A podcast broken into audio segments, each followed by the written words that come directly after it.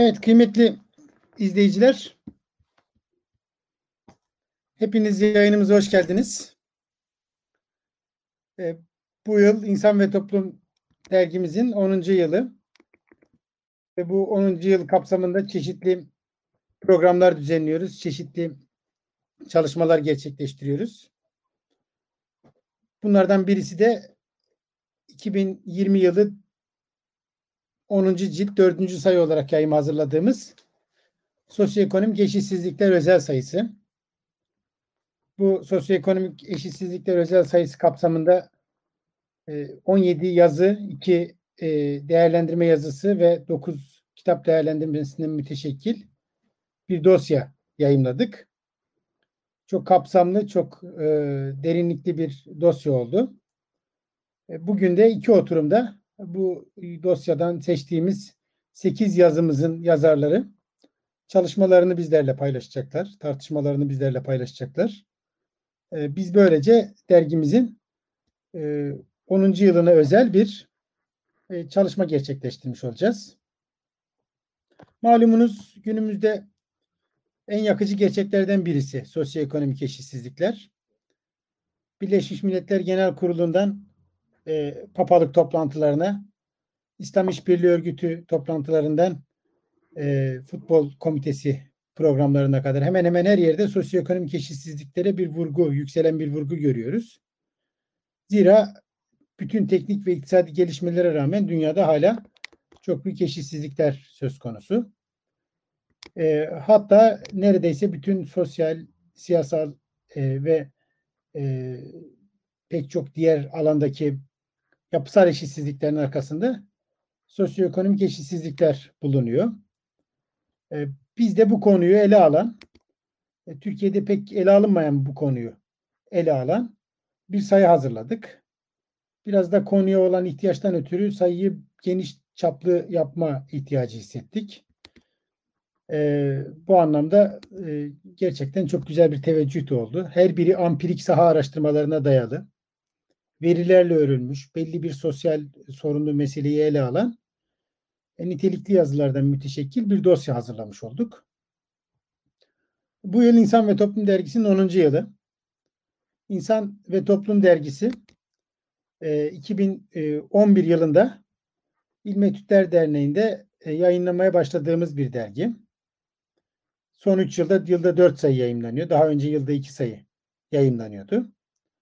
E, bu anlamda ismine isminin de ima ettiği üzere e, insan ve toplumu birlikte ele alma çabasının bir yansıması aslında e, dergimizin macerası. E, ve e, insanla toplumu birbirine bağlayarak e, insanla toplumu birbiriyle ilişkili bir şekilde ele alarak e, bu o, anlamda sosyal düşüncenin gelişmesine katkı sağlamayı e, amaçlıyoruz. 10. yıl sayısının sosyoekonomik eşitsizlikler olması da bir te- tesadüf değil. Zira e, sosyoekonomik eşitsizlikler insanla toplumu birbirinden koparan, insanla toplumu birbirinden ayrıştıran, yani bizim İnsan ve Toplum Dergisi'nde amaçladığımız, hedeflediğimiz misyonun tam zıddı bir durumun, tam zıddı bir etkenin ortaya çıkmasına yol açan bir e, etki oluşturuyor. Dolayısıyla bu anlamda sosyoekonomik eşitsizliklerin çoğalması insanla toplumun birbirinden ayrışmasına, insanların birbirinden ayrışmasına, toplumsal grupların birbirinden ayrışmasına, e, sosyoekonomik eşitsizliklerin azalması da bizim dergimizde amaçladığımız insan ve toplumun bir bütün ve etkileşimli bir şekilde var olmasına e, yol açan bir olacaktır sosyoekonomik eşitsizlikler tartışmasını biz dergimiz misyonu çerçevesinde böyle görüyoruz. Ve ümit ediyoruz ki bu sayı çabalarımız birbirine eklenerek daha adil, daha müreffeh, daha e, eşitlikçi bir toplumun ortaya çıkmasına yol açacaktır. Bugünkü panelimizde iki oturumumuz var. Birinci oturumda dört bildiri, ikinci oturumumuzda dört bildiri bizlerle paylaşılacak. E, ben saygıdeğer hocalarıma hoş geldiniz diyorum. E, verimli, bereketli bir yayın e, diliyorum. Umarım e, dergimizdeki mesajların e, topluma, farklı katmanlara, insan gruplarına ulaştırıldığı bir yayın olur bu yayın. Bu oturumda e, öncelikle e, bendenizin e, Merve Akkuş ile birlikte yazmış olduğumuz e, yazımızı e, Merve Akkuş Güvendi sunacaklar. E, akabinde e, Ömer Torlak hocamız dijital karteller ve eşitsizlikler konusunda bildirilerini sunacaklar. Sonrasında Süleyman Güder hocamız eşitsizlikle mücadelede Latin Amerika deneyimini, Topraksızlar Hareketi deneyimini bizlerle paylaşacak. Akabinde ise Taha Eğri hocamız uzunca bir zamandır üzerinde çalıştığı e, gelir dağılımı, demokrasi ve dışa açıklık arasındaki ilişkiyi tartışan e, yazısını bizlere aktaracak. E, kıymetli hocalarım sizlere 15'er dakika süre vereceğiz. Akabinde eğer e, bizlere erişen sorular olursa panelin sonunda sizler de birbirinize soru sorabilirsiniz. E, izleyicilerden gelen soruları ben sizlere yönelteceğim. Umarım verimli, bereketli bir panel olur. İlk sözü Merve Hocama bırakıyorum. Buyurun. Sesin açık değil Merve Hocam. Herkese merhaba. Hemen sunumumu paylaşmak istiyorum. Tamam değil mi? Evet şu anda bir sorun yok.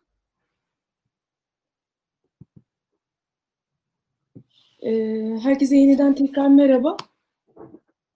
Ee, Lütfü Hocam'ın da belirttiği gibi e, eşitsizlik konusu son yıllarda hem küresel düzeyde hem de e, ülkemizde oldukça e, tartışılan olguların başında e, geliyor.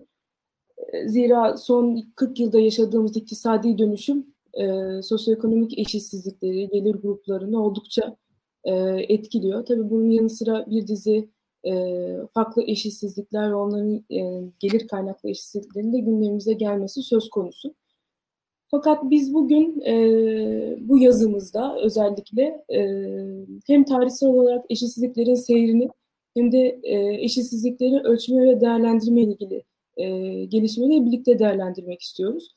Zira e, şu zamana kadar makro e, göstergelerle ölçülen, özellikle Gini ile ölçülen eşitsizliği daha mikro düzeyli e, ve içsel değişimlerle birlikte ele alınması gerektiğini düşünüyoruz.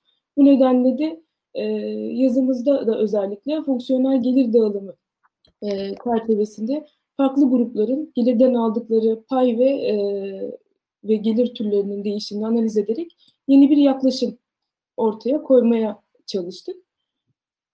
Ee, öncelikle eşitsizliğin tarihsel seyrine kısa bir baktığımızda sanayi devrimiyle birçok e, sanayi devriminde eşitsizliklerin oldukça yüksek bir e, dönemi olduğunu görüyoruz. 1914 ve 1945 e, yıllar arasındaki Dünya Savaşı'nın etkisiyle beraber artan yoksullaşma eşitsizliğin düşmesinde önemli bir rol oynadı. 1945 sonrasında ise e, Fordist üretimin sağladığı e, zenginlik ve devletlerin bunu e, yansıtma çabaları refah devleti politikalarıyla beraber eşitsizliklerin ciddi anlamda düşmesini beraberinde getirdi. Fakat 70'lere gelindiğinde önce finansal anlamda e, Fordizmin krize girmesi, daha sonrasında devletlerin e, sosyal politikalarındaki uygulamalara e, azaltmasıyla beraber eşitsizliğin ciddi anlamda yükselişe geçtiğini görüyoruz. Bu anlamda 1980 sonrasını e, birçok rapor hızlı ve daimi bir de, değişim e, ve hızlı yükseliş süreci olarak eşitsizliğin dönemeci olarak tanımlıyor. E, peki bu eşitsizlik nasıl e, değişiyor? Yani bu, bu süreci nasıl e, ele alabiliriz? Bu anlamda e, Milanovic'in küresel fil eğrisi bize aslında küreselleşme sonunda ortaya çıkan e, ve yazımızın başlığına da konu olan ortadaki fili şekilsel olarak da gösteriyor. 1988 ve 2008 arasında yani Berlin Duvarı'nın yıkılışından e, finansal krize kadar olan yılları kapsayan süreçte e, eşitsizlikler zirve yapıyor. Bu süreçte dünyanın e, en büyük nüfuslarını bünyesinde barındıran Çin, Hindistan, Sovyetler e, ve Doğu Avrupa e, ülkeleri dünya ekonomisine entegre oluyor ve böylece küresel büyük firmalar üretim faaliyetlerini çevre ülkelere kaydırabiliyor. E, bu grafik aslında e, bize e, gelir gruplarının küresel gelir artışından ne kadar pay aldıklarını e, gösteriyor.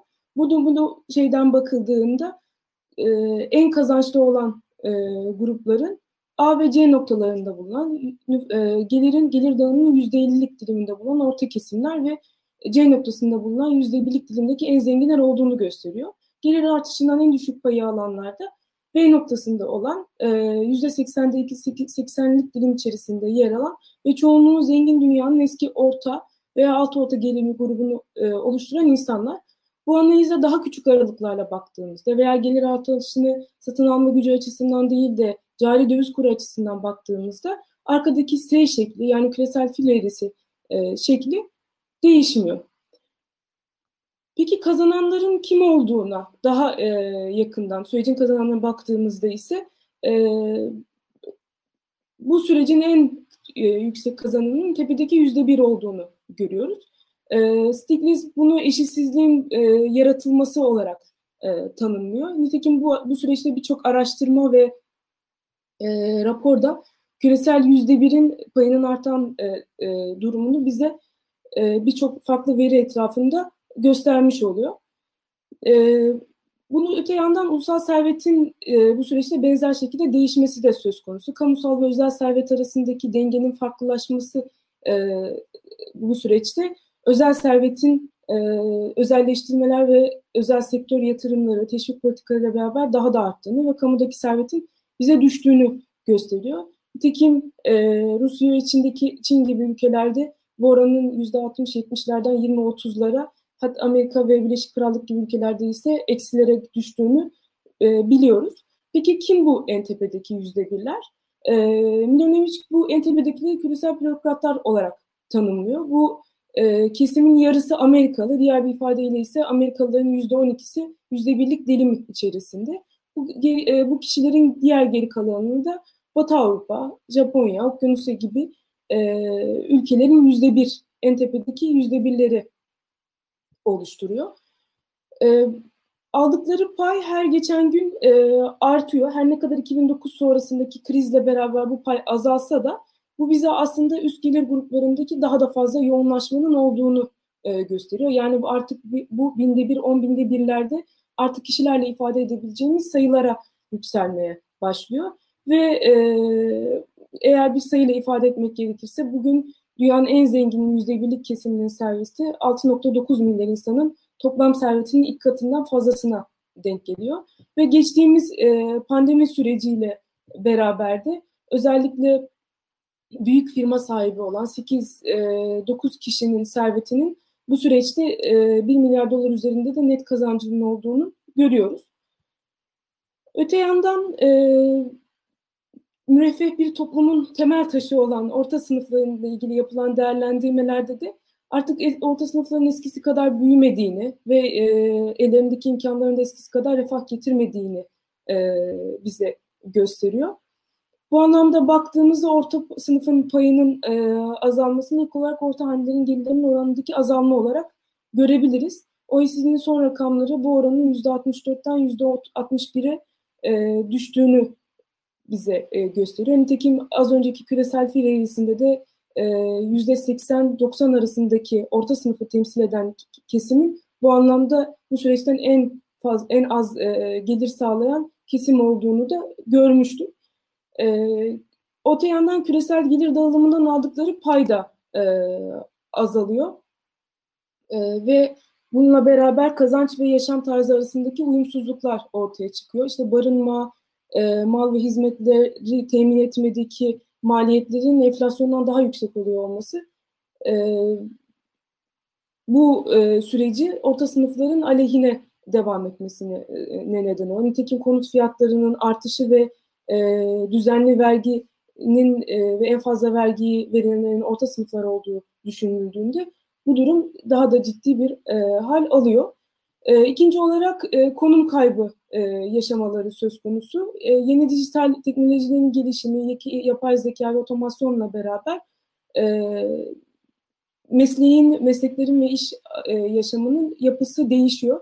Her ne kadar e, iktisadi sistem, teknoloji ve bilişim ve diğer alanlarda yeni alanlar, yeni pazarlama alanları ortaya çıksa da bu sadece orta sınıfın belli bir kısmının, çok kısıtlı bir kısmının yukarı çıkabilmesini sağlıyor. Geri kalan bütün beyaz yakalı olan e, işçilerin de düşüş yaşamasına neden oluyor. Burada e, otomasyonun yükseliyor olması orta sınıf olan birçok mesleğin elindeki imkanların da azalması anlamına e, geliyor. Neredeyse yarıya yakın işin e, yakın zamanda e, otomasyona dahil edilebileceği e, söz konusu. Burada aslında beceri ve gelir ilişkisi arasındaki hızlı bir değişim söz konusu ve e, artık orta becerili olan işlerin daha az ücretlendirmeli, yüksek vasıflı olan işlerin de daha fazla e, yapılması, e, daha fazla e, gelir getiriyor olması söz konusu. Bununla beraber meslek yapısının değişen yapısı, esnek istihdam, güvencesizleşme gibi e, durumlarda bugün sıkça konuştuğumuz işçileşme ve prekaryalaşma durumunda orta sınıflar açısından gündemimize getiriyor. Bununla beraber diğer bir husus ise sosyoekonomik kutuplaşma.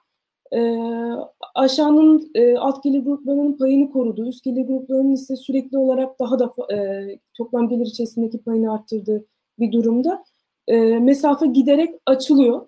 Bununla beraber olarak ortadakilerin kendi içlerinde de yani alt orta orta gelir ve üst orta gelirin arasında da bir değişim e, söz konusu. Bu anlamda hem bu otomasyon hem güvencesiz çalışma hem de diğer etkenlerle beraber orta gelir grubundaki kişilerin de aşağı doğru yoğun bir hareketlilik yaşadığını e, veriler bize gösteriyor.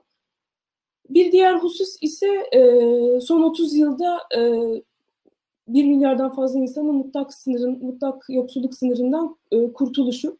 Bu e, e küresel gelir küresel gelirin artmasıyla beraber yoksulluğun azalması ve devletlerin bu anlamda daha fazla fon e, sağlaması söz konusu. Bu aslında sadece yara bandı e, etkisi olarak bunu değerlendirebiliriz. Nitekim diğer rakamlara baktığımızda en üst yüzde onlarla en alt yüzde on e, arasındaki uçurumu e, ve en zengin yüzde birin servetindeki artışla e, en yoksulun servetindeki e, azalış arasındaki e, dengeye baktığımızda bunun e, etkilerini daha çok ve daha derinden görebiliyoruz. Bunun yanı sıra e, diğer dezavantajlı kadın, e, çocuk, emeklilik gibi yoksulluğu yaşayan diğer dezavantajlı grupların e, durumu da bundan çıkış yollarının, bu yoksulluktan çıkış yollarının azalıyor olmasıyla beraber daha da e, kısır bir döngü haline geliyor. E, peki biz e, bütün bu küresel ve e, geniş arka planda Türkiye'deki gelir eşitsizliğini nasıl değerlendire nasıl değerlendirebiliriz? Türkiye e, Dünya Bankası tarafından yüksek derecede eşitsiz orta gelirli bir ülke olarak tanımlanıyor. E, Cinik üzerinden bakılan e, değerlendirmelerde Türkiye, Şili, Meksika'dan sonra OECD'nin en yüksek gelir eşitsizliğine sahip üçüncü ülkesi. Fakat e, dünyadaki trendin aksine Türkiye'de eşitsizlikler düşüyor. Yani 2015'e kadarki e, sürecin süreçte eşitsizliklerin ciddi bir azalması e, söz konusu. Bu oran e, 0,44'ten e, 0,39'lara kadar e, gerilemiş durumda. Nihai geldiğimiz süreçte de 2019'da Gini'nin yüzde e, Gini'nin 0,39 olduğunu belirtebiliriz. Fakat bizim hem bizim çalışmamızı burada daha e, özgün kılan hem de tüm bu Gini katsayısı e, ile beraber e, bu kadar soruna ve e, toplumsal eşitsizliklerin gelir gruplarına olan etkisi ve e, sorunlara, toplumsal sorunlara olan etkisini düşündüğümüzde Gini'nin yetersiz kaldığı ve bunlara gelir gruplarının e, fonksiyonel ve bireysel gelir dağılımları e, üzerindeki etkisi üzerinden bakmanın daha uygun olacağını, karşımıza daha temiz e, değişime dair ve e, durumun biraz daha vehametine dair daha net bir tablo ortaya koyacağını düşünüyoruz. Bu anlamda e, ilk olarak bireysel gelir dağılımına e, bakmak istiyorum. Türkiye'de e, ki bu küreselle beraber, küresel süreçle beraber e, değişen e, politikalarla beraber bunların farklı e, gelir gruplarına farklı yansımaları oldu. E, TÜİK bize Türkiye'de en üst ve en alt %10 ve %20'lik gelir grupları arasındaki hem oranları hem de verileri veriyor. Bunlara e, dayanarak ve bunlara bakarak E, 2000 sonrasında üst ve alt %10'luk ve %20'lik gelirdeki e, payın 2015'e e, kadar dalgalı bir seyri izlediğini görüyoruz. Nitekim üst ve alt e, %20'lik dilimlerin oranı 2000 başında 9,5 iken bu oran bugün 7,4. E, alt ve üst %10'luk dilimlerin oranına baktığımızda ise e, 18,2 olan 2000'lerin başındaki bu oran şu an 13. E, bu bütün bu e, şeylere baktığımızda her iki grubunda eşitsizliğin azalması, bu oranların azal, azalıyor olması İkisinin de e, her iki, üst ve alt gelir gruplarının e, gelirin aldıkları toplam payın aslında arttığını bize gösteriyor. En, en yoksulu %20'likte hafif bir iyileşme görünürken orta gelir gruplarının e, mini gelirden aldıkları payın istikrarlı bir şekilde azaldığını görüyoruz. Nitekim 2010, 2004 sonrasında başlayan ikinci, üçüncü ve dördüncü gelir gruplarındaki azalma hızlı bir şekilde e, devam ediyor. Bu anlamda e, diğer bir bakabileceğimiz e, şey de Türkiye'de hane halkı harcanabilir gelirlerin gelir türlerine göre dağılımı. E, burada en bariz son 10 yıldaki en belirgin değişiklik maaş ve ücret e, gelirlerin toplam gelir içerisindeki payının arttığı aslında. Bu oran e, 2006'da 44,5 iken 2010 sonrasında %50'nin üzerine çıkıyor. Maaş ve ücret e, gelirlerindeki orana ek olarak ise gayrimenkul ve sosyal transferlerde bir artış var. Yemiye, müteşebbis gelirleri, menkul kıymet, e, haneler arası transfer ve diğer oranlarda ise azalma görüyoruz. E, tüm bu fotoğraf aslında bize 2000 sonrasında e, yaşanan yaşanan e, siyasal, ekonomik ve toplumsal e, gelişmelerde eşitsizliğin oranlarının e, yeniden dağıtıldığı bir toplumsal yapı, yapının nasıl nasıl bir toplumsal yapı ortaya çıkardığını da gösteriyor. Emek ve sermaye dengesinde yaşanan değişimin küresel ve ulusal krizlerle e, birlikte etkisinin sermaye lehine kaydığını e, ve derinleştiğini görüyoruz. Bu, bu yeni düzende Türkiye'de bu iki okumayı birlikte yaptığımızda büyümenin bir paylaşım sorunu olduğunu görmüş oluyoruz.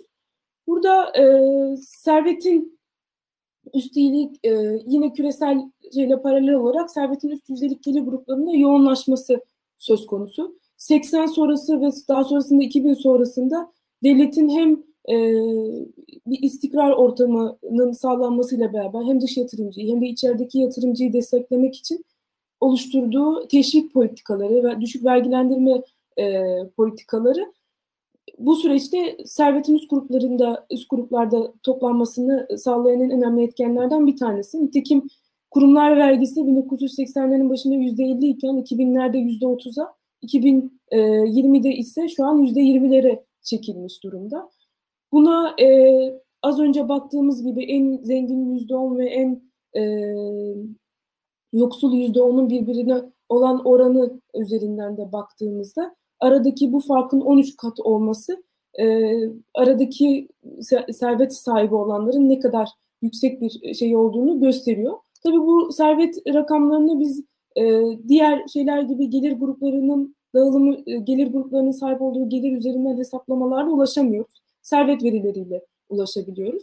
Credit Suisse'in son e, açıkladığı raporda 2019 yılı içerisinde Türkiye'de en zengin yüzde birlik grubun 2019 içerisinde o, o e, payını yüzde yüzde 42,5'tan yüzde 54,3'e e, yükselttiğini görüyoruz. Bu aslında şu da demek oluyor. Geri kalan yüzde 99'un payı e, yüzde 61'den yüzde 46'lara kadar gerilemiş oluyor. Öte yandan mutfak yoksulluğun ciddi anlamda Türkiye'de azalması söz konusu. Bunda e, 2000 sonrası devletin devletin ülke deki refahı alt gelir gruplarına dağıtma e, çabasını da sayabiliriz. Artan refah devleti e, statüsü bu burada devreye giriyor. Dünyadaki şeye zıt bir şekilde aslında onlar sosyal harcamalarını kesintiye uğratırken bizde bu bu harcamaların e, bu e, aktarmaların arttığını görüyoruz. E, devlet özelleştirmeler ve bu süreçteki özel sektör de e, özel sektörün piyasada artan e, payı içerisinde yoksullaşmanın artmasına e, karşı koruyucu bir rol e, üstlenerek yoksulluğu bu süreçte yönetiyor. Öte yandan e, bugünkü duruma baktığımızda aslında 2008'deki e, krizde %14 olan işsizlik e, rakamların 2019'un sonu itibariyle %13,5'lara çıktığını e, görüyoruz. Fakat yoksulluk oranlarına baktığımızda bunun hafif bir yükselişle gösterildiği, mutlak yoksulluğun ise aynı oranda sabit kaldığını e, gör, e, görüyoruz. Halbuki istihdamdaki da, daralma ve maaş ve ücretlilerin toplam gelirden aldıkları payın azalması ve to, sosyal transferlerin iyileştirici e, gücünü gördüğümüzde e, yoksulluğun bu anlamda aslında sadece perdelenen ve e, üstü bir şekilde kapatılan bir durum olduğunu görmüş oluyoruz. Bir diğer önemli olan e, hususi orta sınıflar Türkiye'de. E, buna e, 2000 sonrasında ortaya çıkan istikrarla beraber eğitim ve meslek alanlarının e, genişlemesiyle beraber orta sınıfların bir refah artışı söz konusu. Bu işte yeni orta sınıf tartışmalarıyla beraber de gündemde oldukça yer etti. Fakat yüzdelik gelir durumlarından açısından baktığımızda 2005 sonrasına, 2005'e kadar e, bu olanı, oranın kendisini koruduğu görürken 3. ve 4. %20'lik e, gelimin oranının 2005 sonrasında düşüşe geçtiğini e, görüyoruz. Yine aynı şekilde Merve şu anda 23-24 dakika yaklaştık. Hemen toparlıyorum hocam. Toparlayabilirsek ee, Tabii. Ee, buna baktığımızda ise gelir ya fonksiyonel gelir dağılımı açısından baktığımızda ise bu şeyin e, emek gelirlerinin e, yükselişi ve müteşebbis gelirlerinin azalmasıyla beraber orta sınıfın e, gittikçe daraldığını görüyoruz. Son olarak e, sonuca e, gelmem gerekir. Çünkü bu tablo içerisinde aslında e, günümüzde eşitsizlikleri genel görünüm dahilinde izlemek e, aslında var olan vakayı tam olarak açıklamıyor. Bu anlamda hem küresel hem ülke açısından baktığımızda üç temel izleyin, üç temel örüntünün ortaya çıktığını görüyoruz. E, yükselen bir e, servetin yoğunlaştığı yüzde bir, mutlak yoksulluğun azalmasına rağmen e, en alttakilerin gelir ve servetteki paylarının düşmesi ve ortadakilerin her iki gruba da gelir transferi yaparak e, dur, yükselme olanağının ve bulundukları konumu koruma olanaklarının düşmesi söz konusu. Bugün birçok farklı analiz ve e, yeni teknikler geliştiriliyor. Bu nedenle bu şey yüzdelik dilimler halinde e, genel paylardan ziyade özel dağılımlara odaklanarak bakılabilir ve e, bu durum yani eşitsizlikteki bu durum artık e, servetle gelirin ayrışması, difüzyonu olarak e, ele alınması gerekiyor ve sınırlı sayıdaki küçük gruplara odaklanarak bunlardan daha detaylı analizlerin ortaya çıkarılması gerekiyor. Evet. Teşekkür ederim. Ah, biz teşekkür Anladım. ederiz. Ee, Merve tabii iki kişi yerine konuştuğu için ona biraz fazla süre verdik. Ee, size öyle bir şeyimiz olmayacak, öyle bir ikramımız olmayacak değerli hocalarım. Ee, bu çalışmada biz e, Merve ile birlikte eşitsizliklerin ele alınmasında yeni bir yöntem ve yeni bir e, analiz biçimi öneriyoruz. Özellikle gelir grupları arasındaki dilimlenmiş e, paylaşıma bakmanın, hele büyük büyük dilimlere bakmanın açıklayıcılığını artık kaybettiğini, bunun eski sanayi toplumuna mahsus bir analiz olduğunu, bunun yerine e, gelirin fonksiyonel dağılımının ve e, hükümet politikalarına daha fazla odaklanan e, eşitsizliğin arkasındaki yapısal etkenlere bakmanın gerekli olduğunu tartışıyoruz. Bu hususta çalışmalarımız devam ediyor. Ümit ediyoruz ki önümüzdeki yıllarda eşitsizliklerin ele alınması için daha e, nitelikli bir çerçeve oluşturacağız. Çok teşekkür ediyorum Merve sunum için. Ben teşekkür ederim hocam. Şimdi e, Ömer Torlak hocamı dinleyeceğiz. Tabii Ömer Torlak hocam çok e, önemli bir konuya değinecek. Kendi arka planı rekabet kurumunda e, bulundu bir süre. E, daha önce e, işletme bölümünde, pazarlama bölümünde e, görev yapıyor hocamız. E, bu eşitsizlikler böyle durduk yerde ortaya çıkan bir şey değil, bir durum değil. Bunun arkasında bir takım unsurlar var, bir takım yapılar var. Bunlar da belki karteller olarak adlandırılabilir. Şirket yapılarının değişimi, rekabet koşullarının değişimi olarak gözükebilir. Hocamız bize şimdi e, bu kartelleşme ile e, küresel kartelleşme ile eşitsizlik arasındaki ilişkiyi anlatacak. Buyurun hocam. Evet, teşekkür ederim Mütfi Hocam. Ben de buradaki hocalarıma ve e, bizi izleyen tüm seyircilere, izleyicilere e, iyi yayınlar diliyorum. Programın hayırlara vesile olmasını diliyorum. Bu vesileyle de İnsan ve Toplum Dergisi'nin gerçekten çok kısa sürede çok nitelikli bir e, boyuta erişmiş olmasından dolayı da hem tebrik ediyorum hem nice 10 yıllara e, sağlık afiyetle diyorum. Eşitsizlikler sayısında e, Lütfü Hoca'nın da bahsettiği gibi e, dijital karteller e, ya da dijital e, eşitsizlikler dediğimiz e, konuyu aktarmaya çalışacağım. E, sunum gözüküyor zannediyorum. Bir problem yok değil mi hocalarım? Yok hocam. Evet. Yok sunumunuz gözükmüyor şu anda. Yok o anlamda. Ee, aslında e, geçmişten bu- günümüze şirketlerin sunum mantığı değişmiyor. Ee, ve geçmişten günümüze tekelleşme ve kartelleşme eğilimlerinde sürdüğünü görüyoruz. Ee, merkantilist dönemde yani e, 17-18. yüzyıllarda başlayan e, şirket yapılarına baktığımız zaman güçlü e, sermaye yapıları yanında fabrika e, imalathaneler tabii e, o zaman kumpanya olarak isimlendirilen ve gemisi olan aynı zamanda bu gemileri korumak için e, silahlı gücü olan ve bu silahlı güçleri aynı zamanda e, kendi devletlerinin korumasında da e, kullanılan nihayetinde fiziki e, büyüklükteki şirketleri görüyoruz. Ve bu şirketler aslında o dönemin tekelleri ya da kartelleri. Hocam sunumunuz Bugün de- gözüküyor. Ee, sunumunuzu tekrar paylaşabilir misiniz? Galiba orada şehir screen seçeneği var. Oradan yapmanız gerekiyor. Affınıza sığınarak böldüm ama.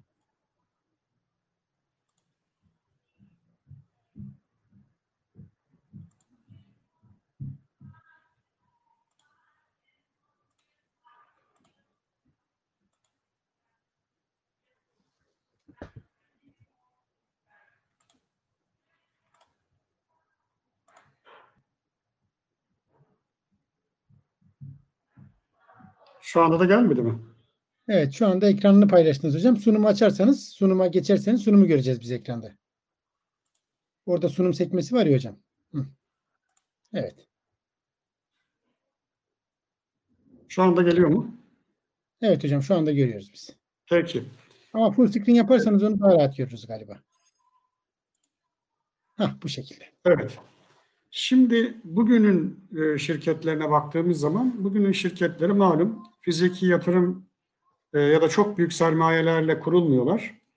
Bunun yerine büyük veriyi kullanıyorlar ve büyük veriyi de yapay zeka yazılımları, algoritmalar gibi e, güçlü yazılımlarla ve tabii bilgisayar ve internet teknolojisinin desteğiyle kullanmak suretiyle çok güçlü dijital şirketlerle karşı karşıyayız. Ve bugün de aslında bu dijital işletmeler arasında e, tekel ya da kartel e, pozisyonuna sahip çok sayıda şirket var. E, geleneksel ekonomilerde e, çok sayıda e, çalışanla cirolar elde edilirken bugünün dijital şirketlerine baktığımız zaman oldukça az sayıda biraz önce Merve Hanım'ın da sunumda bahsettiği gibi azalan istihdamla çok yüksek cirolar elde edilebiliyor. Ve e, aynı zamanda tabii bu cirolarla sınırlı kalmıyor bu gelişme. Bu şirketlerin piyasadaki işlem gören hisse değerlerini önemli miktarlara ulaştırıyor. Artık e, trilyon dolarlarla ifade edilen şirket değerlerinden bahsediyoruz. E, tabii bu rakamlar büyük ama hemen ifade edeyim merkantilist dönemdeki kumpanyaların bir kısmının değerleri de aslında bugünün değerleriyle e, hesap edildiğinde bazı kaynaklara göre benzer rakamları bulabiliyoruz. Bu dijital dünyadaki şirketler yani özellikle tekel ya da kartel e, boyutundaki ölçeğindeki şirketlere baktığımız zaman bunların önemli stratejilerinden birisi de şu e, kendilerine rakip olabilecek e, küçük girişimcileri hızlı bir şekilde fark ederek önemseyerek hemen kendileri açısından belki çok önemli görülmeyecek ama satın aldıkları şirketlerin e, kurucuları açısından oldukça büyük bedeller ödeyerek satın alabiliyorlar. Örneğin e, salgın sürecinde biliyorsunuz e, Peak diye bir oyun e, yazılımı vardı. Genç Türk girişimcilerinin e, gerçekleştirdiği. 1.8 milyar dolar gibi neredeyse 2 milyar dolara yakın e, parayı vererek bu şirketi satın aldılar. E, bakıyorsunuz bu dijital şirketler e, kendi esnekliklerinden kaynaklanan ve e, dijital ortamda iş yapmanın esnekliğinden kaynaklanan bir durumla da e, bizi karşı karşıya bırakıyorlar. Geçmişte sektör değişikliği ve sektör çeşitliliğinin uzun yılları alan bir e, dönemi e, e, kapsamasına rağmen bu dijital şirketler e, görebildiğimiz gibi e, veri üzerinden işlem yaptıkları için ve pek çok işi veriyle birlikte gerçekleştirebildikleri için dolayısıyla çok farklı sektörlerde iş yapabilecek şirketleri de tabiri caizse gözünün yaşına bakmadan büyük bedeller ödeyerek satın alıyorlar. Dolayısıyla böyle baktığımız zaman e, geleneksel ekonomilerdekine benzer şekilde bugünün dijital ekonomilerinde de aslında e, kendi tekel ya da kartellerini oluşturma potansiyeline sahip çok ciddi şirketlerle biz karşı karşıya olduğumuzu görüyoruz. Eşitsizlikler e, çok farklı şekilde tabii sınıflandırılabilir ama eşitsizlikler sosyal eşitsizlik, eğitim eşitsizliği, yetenek eşitsizliği ve nihayet bütün bunların aslında belki sonucu olarak ekonomik ya da gelir eşitsizliğine e, doğru yol açan bir e, sınıflandırmadan ya da bir süreçten bahsetmek mümkün. Yani nihayetinde her sosyal eşitsizlik bir gelir eşitsizliğiyle, eğitimde e, eşitsizlik aynı şekilde gelir eşitsizliğine ve nihayet yetenek eşitsizliği. Dolayısıyla işte şu anda internet teknolojisi ve bunun beraberinde getirdiği yeni iş yapma formlarına kendini adapte edemeyen çok sayıdaki çalışanın, insanın e, sonuç itibariyle bir gelir ya da ekonomik eşitsizlikle karşı karşıya kaldığını ve bu eşitsizlik miktarının yine bir önceki sunumda da gördüğümüz gibi e, fazlasıyla arttığını e, görebiliyoruz. Gelir eşitsizliğini arttıran tabii pek çok faktörden söz etmek mümkün. Bu faktörleri hızlıca sıraladıktan sonra aslında biz dijital e, şirketlerin özellikle bunu nasıl arttırdığı üzerinde durmak istiyorum. İşte piyasaya müdahale, bilgi asimetrisi, rekabetteki dengesizlikler, pazara giriş engelleri, ekonomi, para ve maliye ile ilgili kamu politikaları, piyasalardaki düzenleme ve denetleme eksiklikleri, şirketlerin tekerleşme ve kartelleşme eğilimleri ve nihayetinde dijitalleşen ekonomilerde bazı çalışanların yetenek bakımından geriye düşmesi, o konudaki eksiklikler e, beraberinde çok ciddi gelir eşitsizliğini ortaya çıkarabiliyor. Tabii bütün bunlara baktığımız zaman aslında e, bunların önemli bir kısmının e, ekonomiyle, piyasalarla, bir kısmının e, kamu politikalarıyla, bir kısmının e, toplum düzeni diyebileceğimiz kültürel yapıyla, sosyal yapıyla ilişkili olduğunu söylememiz mümkün.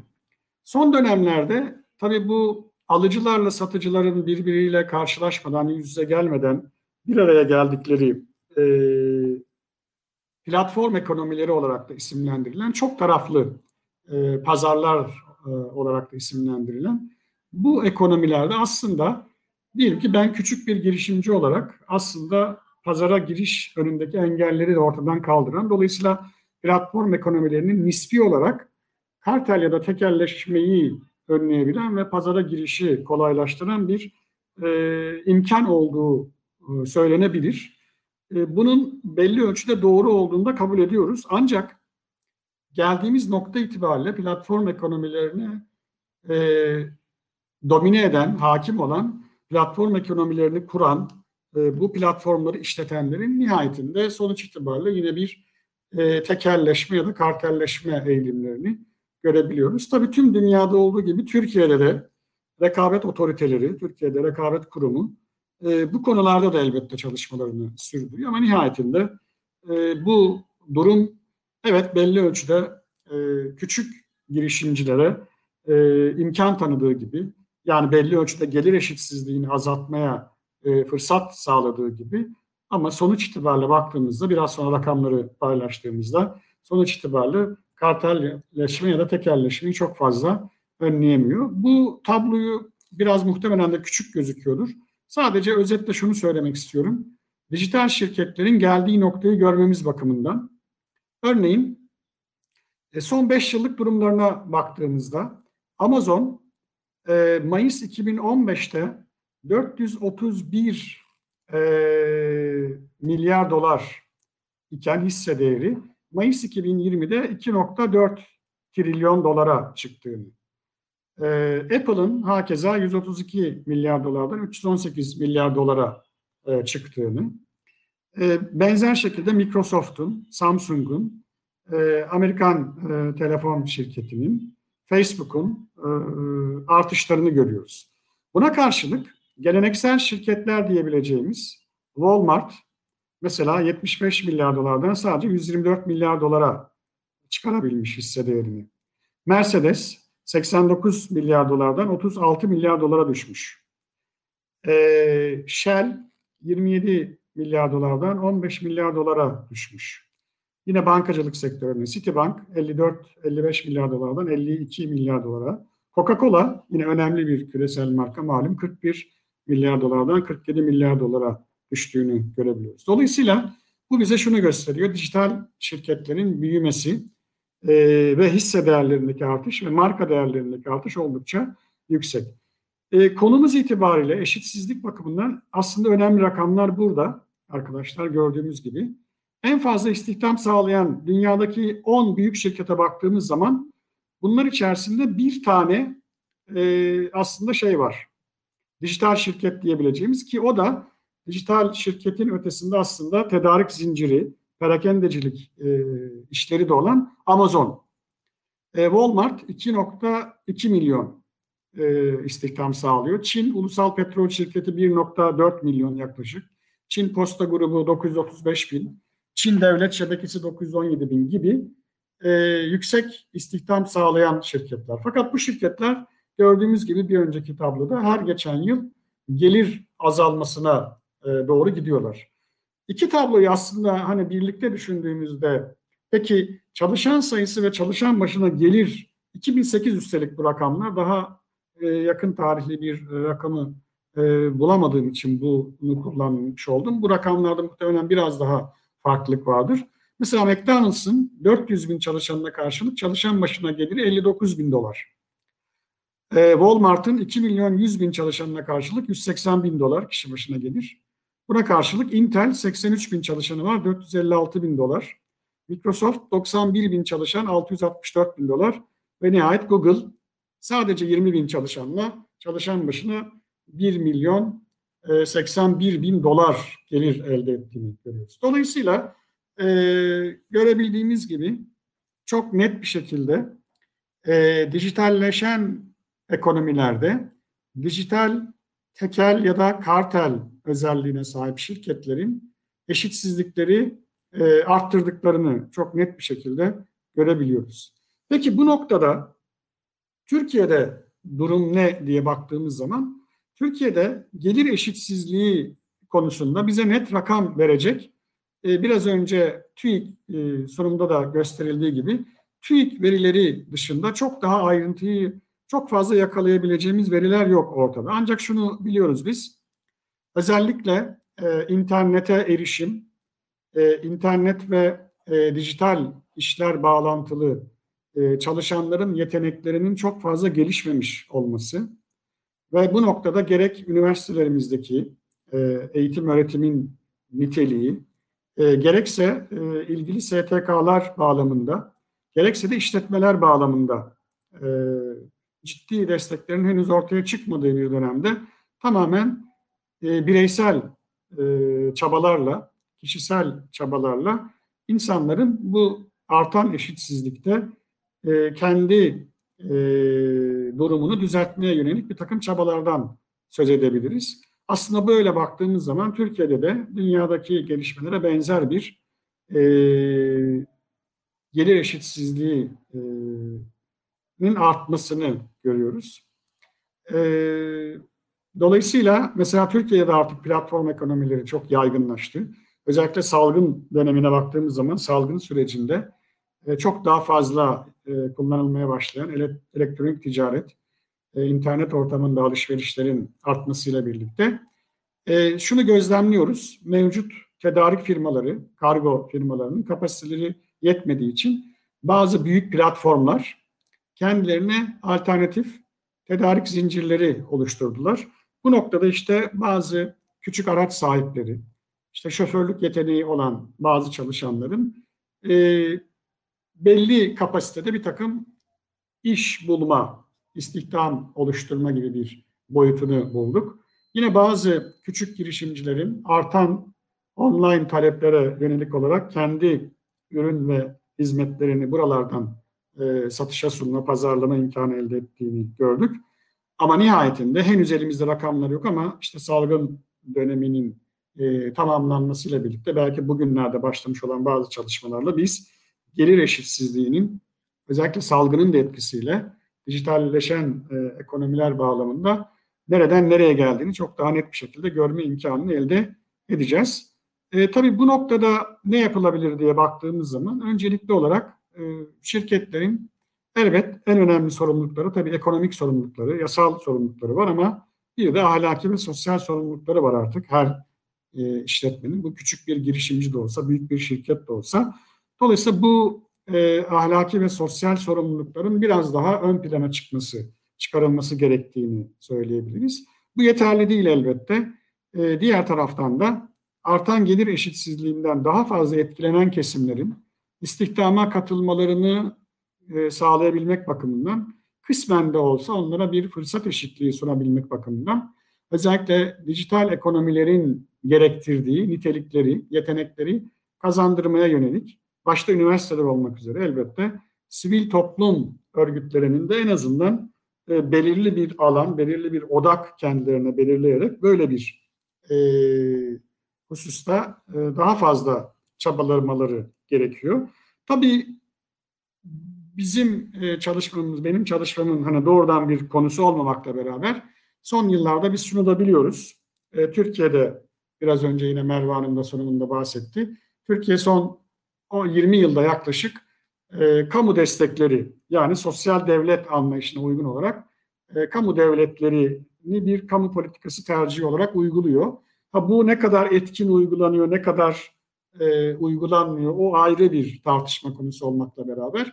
Ama bu bir tercih. Dolayısıyla bu tercihin de etkisiyle alt grupların e, bu gelir eşitsizliğinden etkilenmeleri nispi olarak belki e, önlenmiş durumda ama özellikle alt, orta ve orta gelir grubu bakımından ciddi e, eşitsizlikler artmaya devam ediyor. Bu noktada e, tabii dünyada son yıllarda e, konuşulan örneğin evrensel e, bir e, asgari ücret ya da e, temel insani ücret gibi isimlendirmelerle konuşulan hususlar var. Bizim medeniyetimiz açısından, İslam medeniyeti açısından aslında zekat müessesesi e, bu anlamda oldukça önemli bir alternatif. E, çok daha güçlü bir alternatif. Dolayısıyla e, belki e, bu konularda çalışan e, insanların e, gerek akademide gerek uygulamada bu hususu da mutlaka eşitsizlikleri azaltmada çok önemli bir faktör, çok önemli bir unsur olarak mutlaka dikkate almaları e, gerektiğini ben düşünüyorum. E, tekrar bana böyle bir fırsatı verdiği için İnsan ve Toplum dergisine e, Lütfü Sümer Hoca'nın editörlüğü başta olmak üzere dergiye emek veren, e, bugüne kadar katkı sağlayan herkese teşekkür ediyorum. E, bu yayınında tekrar e, hayırlara vesile olmasını diliyorum. Teşekkür ederim. Çok teşekkür ederiz hocam. Çok kıymetli bir sunumdu. Ee, aslında çok da örtüştü.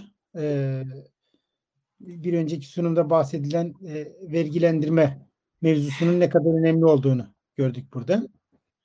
Ee, aslında ekonomi e, ekonomik sistemin dizaynı, tasarımı bu eşitsizliklerin ortaya çıkmasını etkileyen en önemli unsur. Ve bu anlamda maalesef son 40 yılda ekonomik sistem e, büyük sermayeyi daha da büyütecek. E, işçiyi ve e, çalışan kesimi de daha az, daha güvencesiz, daha az kazanır hale getirecek şekilde dizayn ediliyor. Bunun da aynı zamanda bir ekonomi politik sorun olduğunu görmek gerekiyor. Ta hocam muhtemelen bundan bahsedecektir. Şimdi Aslında bu iki sunumu e, bir miktar tamamlayan, bir miktar da bizi farklı bir coğrafyaya açan bir e, mü- özel bir eşitsizlik türü olarak e, kırsal eşitsizlikler ya da sömürgecilikten e, kalan e, Ömer Hocam'ın bahsettiği minvalde türden bir kartel, bu sefer toprak kartelinden doğan bir e, eşitsizlikten bahsetmek üzere ve bu eşitsizliğe karşı tabii ki mücadele stratejilerinden bahsetmek üzere e, Süleyman Güder Hocam'a bırakıyorum sözü. Hocam buyurun, söz sizin.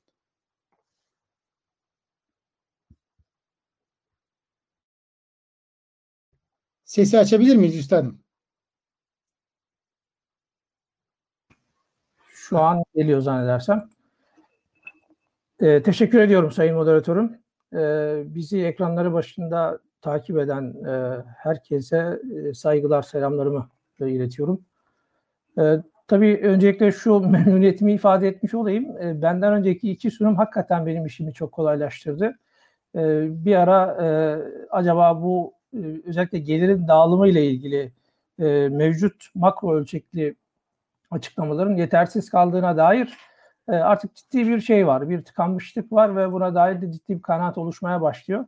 E, Bunu e, özellikle anlatacağım e, kısım açısından epey izah etmem gerekiyordu ama sağ olsun benden önceki iki konuşmacı e, buna gerek bırakmadı. Şimdi bu konuşmada e, Brezilya'daki topraksızlar hareketini ele alacağım ve başlık olarak da e, eşitsizlikle mücadelede acaba bildiğimiz, alışageldiğimiz klasik yollardan farklı bir yol mümkün mü? Biraz bunu e, ele almaya çalışıyorum. E, ve e, aslında e, farklı bir coğrafyada belki de çok alışık olmadığımız bir hususu sizlerle e, paylaşmaya çalışacağım.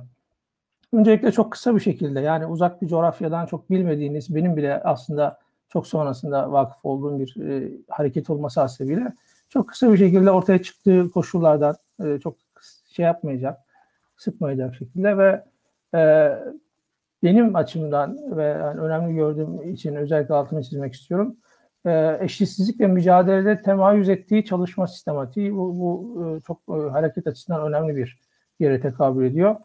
E, ve yine e, biraz sonra bir takım eylemler yapılacak ve biz buna tırnak içinde işgal diyoruz yaygın olarak.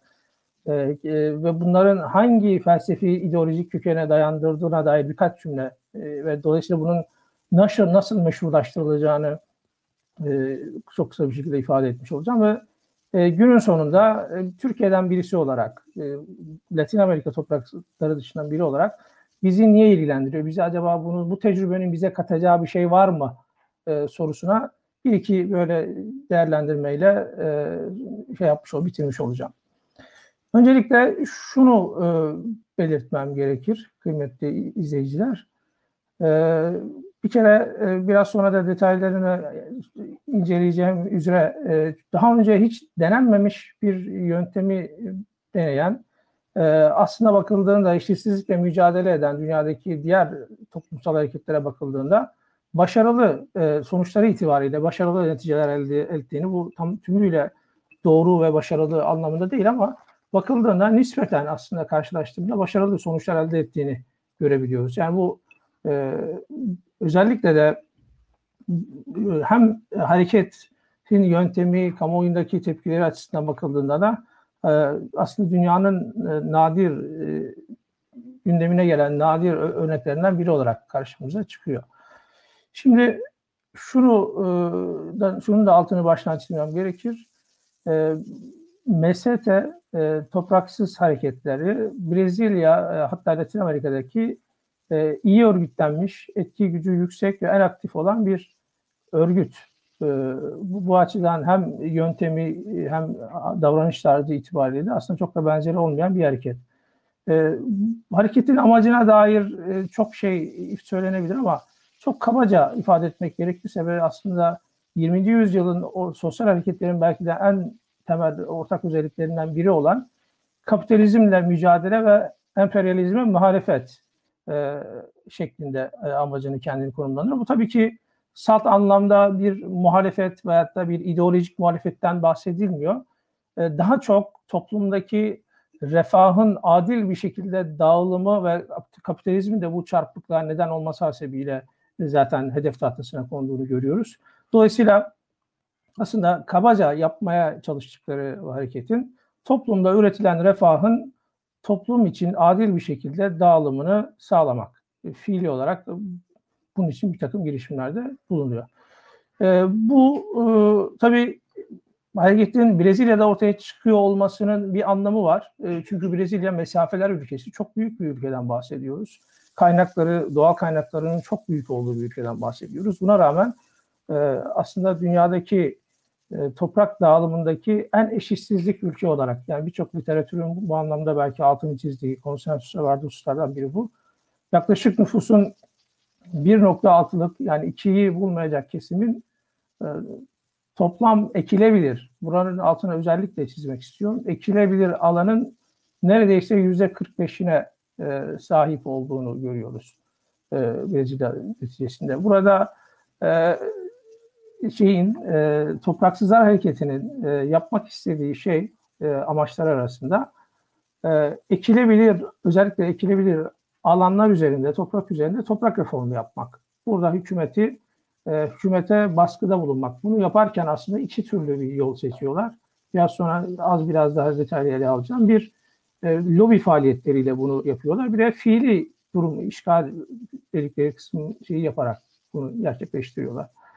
E, ve günün sonunda e, yaptıkları şey e, aslında yani bütün bu işgalle ve bu, bu toprak reformuyla e, toplumda e, hiç hiçbir ekonomik değeri olmayan verimsiz toprakları daha doğrusu işlenmediği için verimsiz atıl durumdaki toprakları ihtiyaç sahibi olan fakir işte gelir durumu kötü olan insanlara e, açmak yani bu, bu bu alanlar bu insanlara açmak.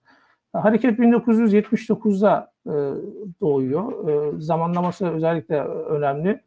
E, ortaya çıkışı e, belki hani 80 sonrası neoliberal politikaların çok daha yaygın olduğunu görmekle birlikte aslında 50 sonrasında dünyada özellikle Latin Amerika, Brezilya bağlamında söylersek e, özellikle kırsal nüfusun şehirlere gelmesiyle e, 50 sonrasında ciddi bir artış olduğunu ve e, ve ciddi bir e, göç sorunu, barınma sorunu işte Türkiye'de ve aslında birçok ülkede olduğu gibi e, aynı şekilde işte işsizlik, yoksulluk, fakirlik sorunu olduğunu görüyoruz. Ve e, bilhassa yani bunu 80'den başlatmak belki tek başına doğru olmayacak ama 80'den başlatsak bile neoliberal iktisadın özellikle hemen hemen her ülkeye aynı şekilde önermiş olduğu, ülkenin kendi gerçekliği dışında e, önermiş olduğu politikaların çok da tavsiye ederim, çok da işlemediği görülüyor. Brezilya'da da benzer bir şekilde aslında Latin Amerika'nın tamamında olduğu gibi bu 10 yıllar 80 sonrası dünyadaki ekonomilere bakıldığında aslında birçok ülkenin sıçrama yaptığı yıllar. Dolayısıyla bu Latin Amerika ve hatta Türkiye için de belki aynı şeyi söyleyebiliriz. Bu yıllar bu ülkeler için bir takım yapısal sorunlardan dolayı kayıp 10 yıl olarak adlandırılır bu dönemde. Şimdi tabii e, sadece 1950'lere Brezilya'daki sorunu 50'lere belki 80'lere götürmek tek başına e, çare değil. Elbette ki oralarda ciddi bir kırılma var. Sanayi Lütfü Hocaların sunumunda da ifade edildiği gibi e, sanayi devrimi ve sonrasındaki gelişmelerle birlikte ciddi anlamda bir gelir dağılımında uçurumlar oluşuyor ama burada özellikle kolonyal dönemden kalma bir takım etkiler var. Özellikle toprak yasasının, Avrupa'daki toprak yasasının bile e, sömürgeyi etkileyen yönleri var. Örneğin 1370'teki işte bir takım e, Portekiz'deki yasanın Avrupa'da özellikle kara veba sonrasında ortaya çıkan tarım arazileriyle ilgili ciddi sorunlar yaşadığı bir dönemde e, tabii ki bu uzun 10 yıllar, uzun belki 100 yıllar süren bir süreç olduğu için bu özellikle koloniye giden sömürgecileri açısından bir e, işte arazi kapma ya dönüşen ve onun günümüze kadar her ne kadar 19. yüzyılın başında Brezilya bağımsızlığını kazansa bile günümüze kadar etkisinin bir şekilde devam ettiğini görüyoruz. Dolayısıyla alttan alta böyle bir dinamik, böyle bir dalganın olduğunun mutlaka farkına varmamız gerekir. 2000 sonrasına bakıldığında özellikle sol iktidarların başa gelmesiyle bir miktar daha tablonun değiştiğini görmekle birlikte aslında yapısal anlamda hala çözüm bulunmadığını söyleyebiliriz. Şimdi bütün bunlardan hareketle biraz sonra e, hareket tarzı yöntemlerine dair de birkaç bir şey söyleyeceğim ama e, belki hani makale diliyle konuşmak gerekirse e, bir hani iddia, argüman veya da üç temel hususun belki mesete bağlamında özellikle altını çizmem gerekecek. E, bu e, benim Brezilya'daki MST üzerinden okuduğum bir e, çıkarım olacak ama e, büyük oranda aslında diğer toplumsal hareketler için de önemli olacağını düşünüyorum bu, bu yaklaşımın. E, elbette ki e, bu e, başka unsurlarla da e, desteklenebilir ama burada dört tane unsur, özellikle üç unsur özür diliyorum. Brezilya'daki topraksızlar hareketinin başarılı olmasını sağlayan unsur olduğunu düşünüyorum. Şimdi bunlardan bir tanesi e, öncelikle e, MST'nin farklı hususiyetleri dışında yani bölgeye dair, kendi dinamiklerine dair e, diğer hareketlerden ayrışmış olduğu en önemli noktalardan bir tanesi ekonomik ve toplumsal ilişkileri dönüştürüyor. E, öncelikle amacı bu ama bununla birlikte aslında buradan bir yere varmak istiyor. Varmak istediği şey aslında yeni bir insan yaratma. Yeni bir insan, nasıl bir insan? Bütüncül bakabilen e, bir insan. Bunun için e, tabii ki ciddi anlamda hareketin ideolojik formasyon ve örgütsel yapısının çok güçlü olması gerekiyor ki e, MST'nin bu anlamda ideolojik yükleme ve e, örgütsel yapısının da güçlü olduğunu görüyoruz. E, bu e, bunu biraz şöyle görüyorlar. Aslında bu bir bilinçlendirme aslında bir yönüyle. Yani bu e, yeni bir insan derken hakkının farkında olan, kendisine yapılan haksızlıklara tepki veren e, bir şekilde e, evet e, belki Hristiyani bir yaklaşımla düşünürsek kendisine bir tokat atıldığında diğer yanağını çevirmeyen ama kendi hakkını bugün burada savunan insan, birey yetiştirme amacı var. Bu e, bu açıdan bakıldığında e, bu ideolojik yüklemenin ve bu bütüncül, bütüncül bakışın, yeni bir insan yaratma, bütüncül bakışın e, sağlanması için ciddi bir eğitim faaliyetleri yaptıklarını görüyoruz. Dolayısıyla eğitim e, bu, bu hareketin önemli e, unsurlarından bir tanesi. Ve günün sonunda bakıldığında bu bahsettiğimiz insan e, inşa edilmek, yeni bir insan tipi dediğimiz bu insanın e, kimseye bağımlı olmadan, kimsenin tırnak içinde artıklarına minnet etmeden, kendi emeğinin sonucunda hayatını idame ettiriyor olması amaçlanıyor. Bu e, özellikle bu bahsettiğimiz birinci e, amaç doğrultusunda ve hareketin bu, bu anlamda inşa etmeye çalıştığı unsurların başında geliyor. bu, bu, bu yönüyle bir miktar farklılaşıyor. İkinci olarak e, bu, bu e, aslında bakıldığında dünyanın farklı e, toplumsal hareketlerine uyguladığında bunun benzer sonuçları aşağı yukarı alabileceğini düşünebiliriz. E, ikinci olarak bakıldığında e, MST'nin e, hadi başarılı örnek benzerlerinden farklı olarak başarılı olmasının nedenlerinden biri olarak da ademi merkeziyetçi yapısına ve e, tırnak içinde işgale katılanların inisiyatif alabilmelerine e, borçlu. E, yani burada e, belli bir merkezden elbette ki bir know-how aktarımı olmakla birlikte aslında operasyonun tamamını e, üstelik gerçekleşecek bir masrafın da bu işgal için bir takım masraflar yapılıyor. Bunların tamamını da katılımcılar tarafından yer aldı ve bütün inisiyatifin ve yönetimin, sürecin katılımcılar tarafından yönetildiği bir süreçten bahsediliyor. Bu da neyi sağlıyor? siz bu insanlara e, ceplerinden tek kuruş para çıkmadan ve merkezden bir yönetimle bu insanları e, arazilere sürdüğünüzde e, arazileri insanların tutması veya da bir direnişle karşılaşacaklarında buna tepki, mukavemet göstermeleri çok zayıf olur. E, ancak kendilerinden bir şey kattıklarında bunun daha fazla, daha güçlü olduğunu görebiliyoruz. Bu açıdan e, belki de birçok e, toplumsal hareketten farklı olarak yani bir e, herhangi bir bu anlamda şey karşılıksız bir şey yapılmadığını görüyoruz. Üçüncü olarak bu özellikle hareketin işleyişi açısından önemli ve bence de en önemli özelliklerinden bir tanesi. E, özellikle sonuç almadaki önemli motivasyonlarından biri e, hareketin e, fiili durum yaratmış olması ve geniş kitleleri e, örgütlemiş olması. E, bu Topraksızlar Hareketi'nin en güçlü yanlarından birini oluşturuyor. E, aşağıda ve daha genel olarak mottası olarak e, hareketin işgal et, diren ve üret ilkesi vardır. E, bir fiili durum yaratmış oluyor. Bu niçin önemli?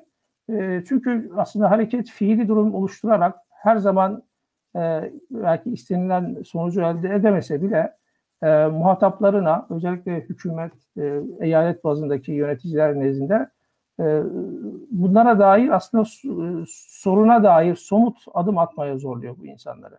E, çünkü bakıldığında günümüz e, hakim liberal söylem içerisinde e, hatta mevcut içinde yaşadığımız hakim e, anlayış e, mevcut durumu meşrulaştırma, bir şekilde hani rıza gösterilmesi, özellikle hukukun üstünlüğü gibi bir takım e, eşitsiz şartlarda ortaya çıkan durum neticesinde e, kavramlarla söylem üstünlüğü oluşturulmaya çalışılıyor ve e, aslında bakıldığında mevcut eşitsizliğin giderilmesi hususunda da çok da e, adım atmaya istekli olmadıklarını görüyoruz. Ve günün sonunda hep aslında e, şey yapan, e, sesini kesen, mücadelesinden vazgeçen kişi bu haksızlığa uğramış olan kişiler oluyor. Çünkü söylem üstünlüğüne sahip oluyor e, hakim liberal söylem içerisinde. E, bu e, fiili durum oluşturmadan ki e, topraksız hareketin belki de en önemli e, güçlü yanlarından bir tanesi bu. Fiili durum oluşturmadan sadece söylem üzerinden bir takım hak arayışları ilgili merciler tarafında sadece lobi faaliyetleri yaparak ki bu önemlidir bunu yok saymıyorlar ama sadece lobi faaliyetleri e, yaparak bunun üstesinden gelinmeyeceğini düşünüyorlar. Ee, onun için e, ya daha doğrusu buradaki temel motivasyonları, yaklaşımları da şu. E, yasa, e, mevcut yasa toprağı tek elde toplayan, özellikle latifundium diye geniş arazi sahipleri olan e, ifade edilen kişileri e, bunların özel mülkiyet hakkını koruduğunu ve e, insanların özellikle çok geniş kitlenin e, insan haysiyetine uygun bir şekilde yaşamasına engel olacağını düşünüyorlar. Ee, dolayısıyla bu yaklaşımdan dolayı fiili işgali deniyorlar. Nasıl oluyor? Çok kısa bir şekilde bunu ifade edeceğim. Ee, çok da toparlayacağım sonrasında. Öncelikle verimsiz e, çalışma sistematiği olarak da latifundium dedikleri geniş verim... Hocam iki dakika içinde toplamamız tamam. mümkün mü? Tabii hemen e, hemen toparlıyorum. Hoca'nın sunumuyla sorulara hiç süre kalmamış olacak. Tamam. E, çok geniş, verimsiz arazileri e, işte bir şekilde örgütleyip insanlar buraları işgal ediyorlar. Çok detayına girmeyeceğim. 10-22 dekarlık alanda yaklaşık işte bugüne kadar 350 bin e, aileyi ve 2000 yerleşim yerini bu anlamda işgal etmiş ve bu burada üretim oluşturmuş durumdalar. Ve neticesinde burada üretilen ürünün e, çok da böyle piyasada e, kendi kurmuş olduğu kooperatifler aracılığıyla piyasaya sürdüğünü ve kendi değerinde sattığını görebiliyoruz. E, çok detayına girmeyeceğim ama bir iki böyle ideolojik formasyonuna dair, arka planına dair bir şey söyleyip bitirmiş olacağım lütfen hocam. E, ideolojik arka planda aslında bakıldığında çok pragmatik bir şeyin olduğunu görüyoruz. Arka planı yani çok e, kurtuluşçu, daha dini kökenli kurtuluşçu Latin Amerika'daki kurtuluş teorisi hareketinden işte Gramsci'den Proudhon'a kadar özellikle Proudhon'un mülkiyet anlayışı, toprağa ancak işleyenin sahip olabileceği, hakkın bu şekilde olacağı şeklindeki e, anlayışa kadar çok geniş yelpazede aslında. Burada belki liberalizm dışındaki daha Marksist, sosyalist, belki daha kurtuluşçu yaklaşımı benimseyen bir yönleri var. E, bununla birlikte meşrulaştırmayı da e, şöyle yapıyorlar. Öncelikle yasallıkla meşruluk arasında bir tartışma var. Buna girmeyeceğim. Ama e, Hristiyanlıktaki özellikle Sabat ve Jübile yılları diye adlandırılan e, bu bu aylarda özellikle işgal edilmesine izin verildiği söyleniyor. Bununla birlikte yasal anayasadan bir kaynak e, bir dayanak da buluyorlar. Anayasanın işte belli e, şeylere göre toprak sosyal bir işleve sahip olmalı. E, sosyal sorumluluk gereği üretken olmalıdır. Yine özel mülkler ekilmediği ya da mülk sahibi ile işçiler arasında çelişkiler ortaya çıktığında kamulaştırılır gibi bir takım anayasal dayanak da buluyorlar. Ama dediğim gibi bütün bunlarla birlikte e, aslında bunları e, kamuoyunda bir şekilde argüman olarak kullanmakla birlikte şunu düşünüyorlar zaten. Zaten yasalar e, seçkinlerin liberal düzeye, liberal değerlere sahip insanların e, lehine e, diye devam ediyor. Devletle ilişkileri geçiyorum. Orayla ilgili e, bir iki bir şey söylemek isterdim ama vakit darlığından doğru söylemeyeceğim. Peki son olarak bir dakika içerisinde toparlıyorum Lütfü Hocam.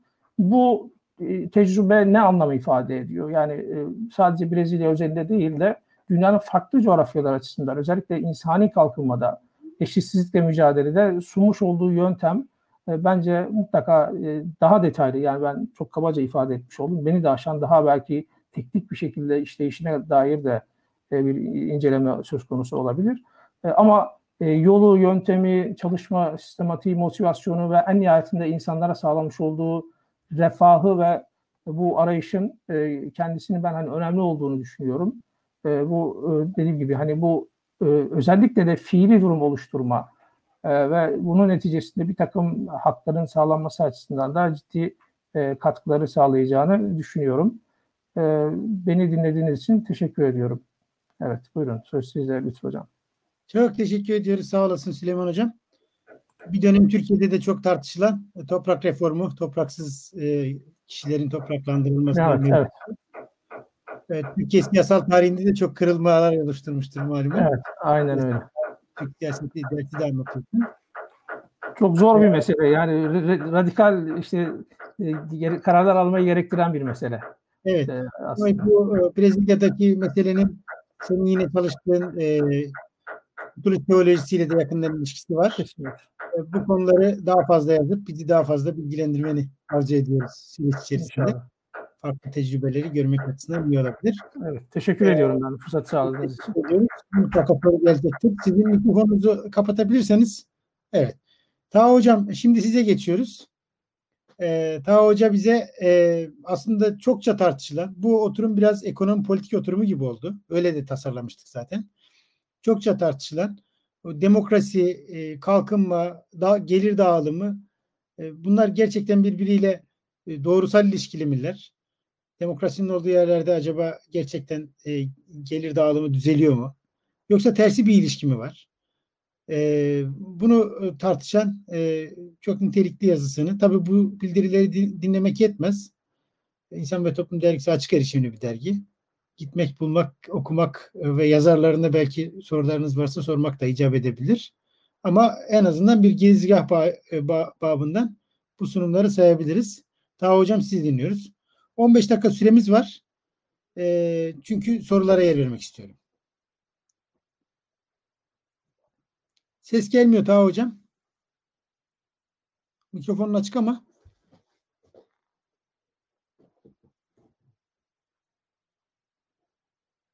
Yok gelmiyor. Geliyor mu acaba? Ha, şu anda geliyor. Tamam. Ya bugün bir bağlantıyla ilgili sorun yaşadım ben e, toplantı sırasında. Sanırım o Evet. sorunla alakalı şey kalmış. E, Wi-Fi hattında sorun olunca telefon hattına geçtim. Ayarlar kusura bakmayın. E, Hoş herkese geldin. saygıyla selamlıyorum ben de. Çok teşekkür ediyorum. E, hem insan toplumun 10. yılı. E, yani ilk kurulduğu yıldan itibaren e, için içerisinde doğrudan içinde olamasak da kenarında ilemin içerisinde bulunarak bulunmuştuk. Artık bu heyecanlı bir oturum benim için. 10 yıl 10. yılını görmüş bulunuyoruz e, derginin. E, bir tarafıyla da 10. yılındaki bu özel sayıya bir makaleyle bir çalışmayla katkı vermek de ayrı bir e, heyecan verici bir şey. E, en azından bu tarihi diyelim sayıya bir katkı da biz de ismimizi koymuş olduk. E, buradaki Haziran'la birlikte. Çok teşekkür ediyorum. E, politik ekonomi meseleleri hani iktisadın aslında e, bir tarafıyla gelişen bir literatür alanı. Farklı konularda tartışılıyor, farklı alanlardaki etkileri tartışılıyor. Daha da fazla tartışılması gerektiğini düşünüyorum. Çünkü özellikle neoklasik iktisadın o modelleyici, soyut modelleyici yapıları içerisinde hem bütün ülkeleri eşit bir keseye koyan, e, tüm ülkelerin içerisinde o modeli uyguladığınızda yani büyümeyi, yoksulluğu, işte gelişmeyi farklı değişkenlerle makro ilişkilere kurduğunuzda bunların aslında birbirleriyle uyuşmadığı günümüz dünyasında da ortaya çıkıyor. Her ülkenin kendi şartları birbirle uymuyor. Bunu, bunun için farklı değişkenleri, farklı politik değişkenleri de incelemek gerekiyor.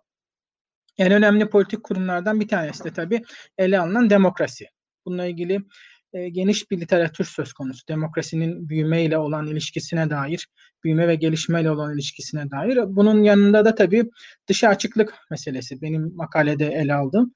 Dışa açıklık konusu tabii tartışmalı veya ölçülürken neyle ölçtüğünüze dair e, tartışması geniş bir konu dışa açıklık. İşte openness olarak İngilizce de ele alınıyor ama işte e, en temel göstergesi bunun toplam ihracatla toplam ithalat yani toplam dış ticaret büyüklüğünüzü milli gelir oranla oranladığınızda elde ettiğiniz oran sizin bir dışa açıklık oranınızı veriyor. İthalat ihracat oranı dediğimiz. Bu sınırlı bir dışa açıklığı gösteriyor. Yani ne kadar dışarıyla ticaret mal akışı yaptığınızı gösteren bir dışa açıklık oluyor. Son yıllarda bunun yanında çeşitli e, endeksler geliştirilerek dış açıklık konusunu farklı e, alanlarda yapılan çalışmalar, değerler, istatistikler var. İşte küreselleşme konusu bunların başında geliyor. Küreselleşme endeksleri de bir ülkenin hem kültürel hem finansal hem ekonomik alanda yurt dışı ile olan entegrasyonunu ölçen işte diyelim ki bir e, gümrük vergisinden tutun da e, gelen, gelen giden turist sayısına kadar geniş bir alanda e, bu küresel ilişkilerin bir ülkenin dışa ne kadar açık olduğunu gösteriyor. 1900 aslında 50, 50'lerde, 50'lerin sonunda başlayan bir tartışma var bu küreselleşme ve dışa açıklığın büyümeyle ilişkisine dair.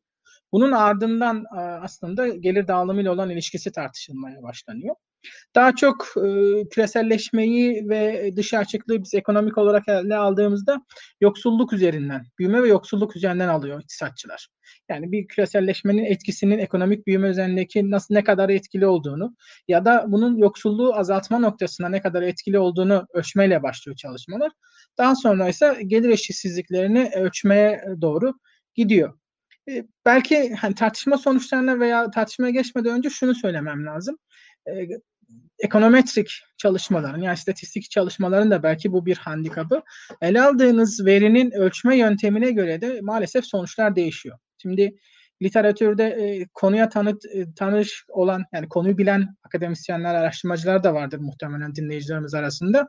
Çok fazla e, bu alanı bilmeyenler de vardır. Ben genel olarak söylemem gerekirse e, demokrasi endeksleri de çeşitli. Yani bugün bir demokratikleşmeyi ölçmek istediğinizde e, literatürde farklı endeksler var. Bu en çok kullanılan politi for Politi 4 e, olarak ele alınan endeks en çok kullanılan endeks. Onun e, ölçüm hatalarıyla birlikte işte son dönemlerde katılan e, VDEM olarak işte kısaltılan Variety of Democracy Endeksi mesela demokrasiyi beş farklı çeşit demokrasi olarak ele alıp daha e, geniş bir bantta ölçüyor. E, bu ölçümden ele aldığınızda ister istemez ilişki, ilişkiler de e, temelde sonuçlar da değişmiş oluyor. Teorik olarak bakacak olursak özellikle demokrasiye, demokrasinin e, ilişkileri bir miktar e, o, o median voter, e, orta seçmen meselesi üzerinden yaklaşması söz konusu literatürde. E, bu e, Meltzer Richard medyan seçmen yaklaşımı diye ifade ediliyor. Burada dem, demokrasinin özellikle en e, ortadaki orta gelir grubu sınıfı toplumun geniş bir kesimi oluştuğu varsayılarak e, demokratik ülkelerde bu kesimin yararlılığına faydasına olacak ekonomik politikaların siyasetçiler tarafından geliştirilmesi gerektiği oy alabilmek tabii seçimle seçimleri kazanabilmek amacıyla. Bundan dolayı da bu uygulanan ekonomik politikaların gelir dağılımı düzeltici bir etkisi olması gerektiği bekleniyor. En temel aslında demokrasinin e, gelir dağılımı üzerindeki etkisinin beklentisi bu. Tabii buradaki varsayım içerisinde e, şöyle bir varsayım içerisi söz konusu. Lobi gruplarını siz devre dışı bırakıyorsunuz. Yani Amerikan uygulama sisteminde bugün gördüğümüz lobby gruplarını devreden dışı bırakarak siyasi partilerin temel seçmen kitlesi üzerinden oy beklentisiyle yola çıktığını varsayıyorsunuz ama e, bu gerçek hayatta uyguladığınızda her zaman bu şekilde olmayabiliyor. Çünkü e, baktığınızda lobi gruplarının işte Amerikan gibi daha gelişmiş demokratik ülkelerde lobi gruplarının çeşitli yollarla işte bağışlar vesaire yollarıyla etkin olmaları söz konusu. Diğer taraftan e, işte Türkiye gibi belki demokratik ülkelerde e, bu ülkelerde de part, e, partizan demeyeyim ama belki yani her seçmenin kendi desteklediği partisi üzerinden giden o siyasi yapılanmada e, demokratik süreçler gelişse de belki o politikaların etkinliği de azaltmış olabiliyor.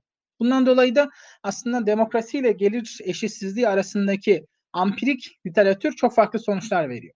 Ee, genel yaklaşım, teorik yaklaşım demokrasinin gelir eşitsizliğini azaltması beklenirken ampirik sonuçlara baktığınızda çok farklı sonuçlar var. Ele aldığınız ülke grubunun gelişmiş ülke grubu mu, gelişmekte olan ülke grubu mu olduğuna dair e, sonuçlar değişiyor. Literatürde çoğu zaman panel analiz çalışması yapılıyor. Yani bir grup ülkenin birlikte ele alındığı çalışmalar yapılıyor ve ele aldığınız çalışma ülke örneğin diyelim ki yeni gelişen bir demokrasi ise işte 90 sonrası e, demir perde ülkelerinden ayrılmış ülkeleri bir gruplandırıp çalışma yapmanızla Avrupa'daki gelişmiş ekonomileri bir ara e, alıp bunun çalışma yapmış olmanız arasında değişiklik var. E, burada da en, tam, en temel iktisat kuralı bence işliyor. Bir etkinlik başladığında bunun marjinal çıktısı daha fazla. Bu zaman içerisinde giderek azalan bir etkiye dönüşüyor. Bu da demokrasinin gelir dağılımıyla olan ilişkisini bence azaltıyor. Diğer tarafta dışa açıklık söz konusu. E, dışa açıklık konusuna baktığımızda da Burada özellikle teknoloji transferi, ihracat ithalat kanalları, doğrudan yabancı yatırım kanalları gibi unsurlarla bir ülkenin iktisadi olarak diğer ülkelerle ilişkisinin oranın ekonomik büyümesine etki edeceği varsayılıyor. Ama 90'lardan sonra bizim gördüğümüz yine bu teorinin yanında uygulamada gördüğümüz sorun özellikle teknolojik gelişmeler dolayısıyla ki Türkiye gibi gelişmiş gelişmekte olan ülkelerde vasıfsız işçilerin e, pozisyon kaybetmeleriyle sonuçlanması söz konusu. Yani ülke dışa açıldıkça kendi üretim mekanizmaları dış teknolojik transfer geldikçe geniş tabanı oluşturan vasıfsız işçilerin bireysel gelirlerinde kayıplar yaşanıyor. Eğitimli kitlelerin bireysel gelirlerinde, vasıflı kitlenin bireysel gelirlerinde bir artış olması söz konusuyken tam tersi vasıfsız işçilerde de bir kayıp söz konusu. Ee, burada da benzer şekilde yapılan çalışmalar ele alınan döneme göre çeşitli farklı sonuçlar veriliyor ama e, en temel sonuç şunu gösteriyor. Sizin ele aldığınız dönem, ele aldığınız ülke grubu önemli sonuçlara yapmak için.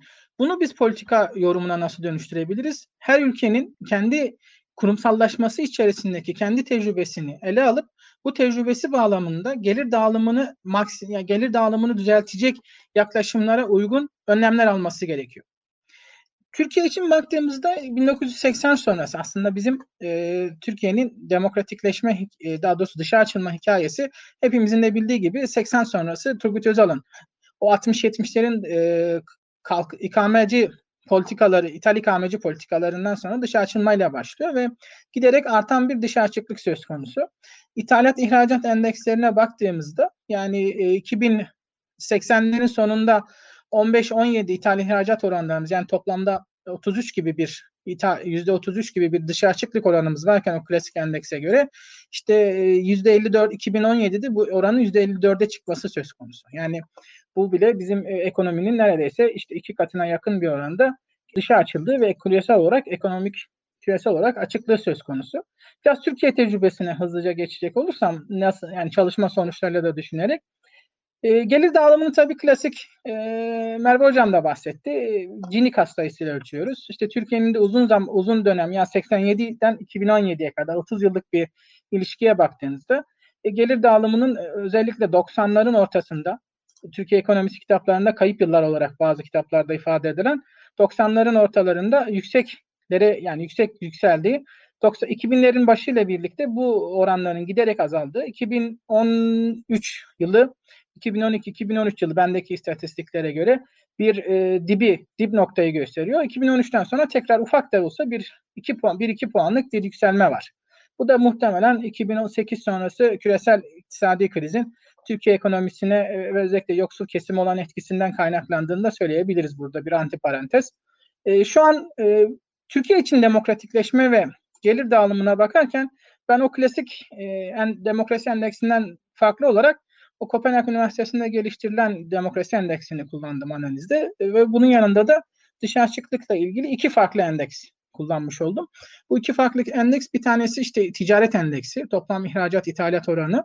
Diğeri de e, İsviç, İsveç'te bir küreselleşme endeksi olarak hesaplanan bir enstitünün hesaplamış olduğu küreselleşme endeksi. Hem ekonomik hem sosyal boyutu olan bir endeksle yola çıktık. E, bu endeksin amacı e, dış ticaret toplumun belli bir kesimini etkiliyor. Yani siz dış ticarette uğraşan bir firma ve bunun dallandığı sektörlerde ifade iseniz, yani ithalat ihracat sektörlerindeyseniz bu sizi doğrudan etkileyebiliyor.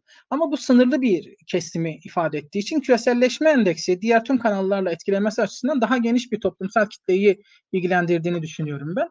Ee, çalışma sonuçlarına bakacak olursak e, demokratikleşmenin uzun dönem ve kısa dönem ilişkilerini ayrı ayrı ele, ele aldık, ele aldım çalışmada.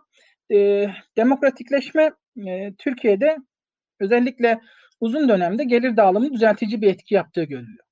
E, ama e, uzun dönemde dış, dışa açıklığa baktığımızda ithalat ihracata dayalı klasik endeksi anlamlı bir sonuç bulunamıyor Türkiye için. Bu literatürde bazı ülkeler için de çıkan bir sonuç. Ama küreselleşme endeksine baktığınızda onun da uzun dönemde gelir dağılımı düzeltici bir etkisi söz konusu. Yani toplumun genelini ilgilendiren bir entegrasyona baktığınızda olumlu bir etkisi söz konusu.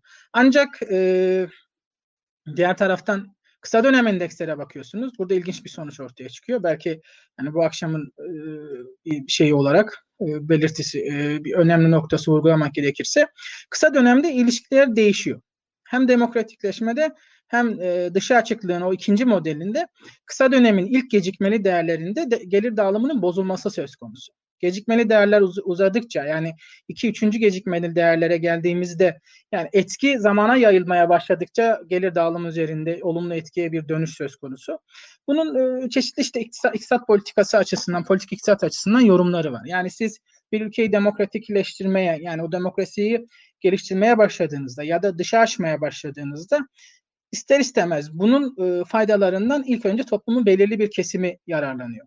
Dış ticaretle uğraşan kesim veya işte demokrasi hususunda giderken işte demokrasi kültürünün toplum tabanına yayılmadan önce o üstteki siyasetle o belirli bir ilişkisi olan kesimin e, bu ekonomik yara faydadan, büyümeden tabi burada bir büyüme olduğunu varsayıyorsunuz.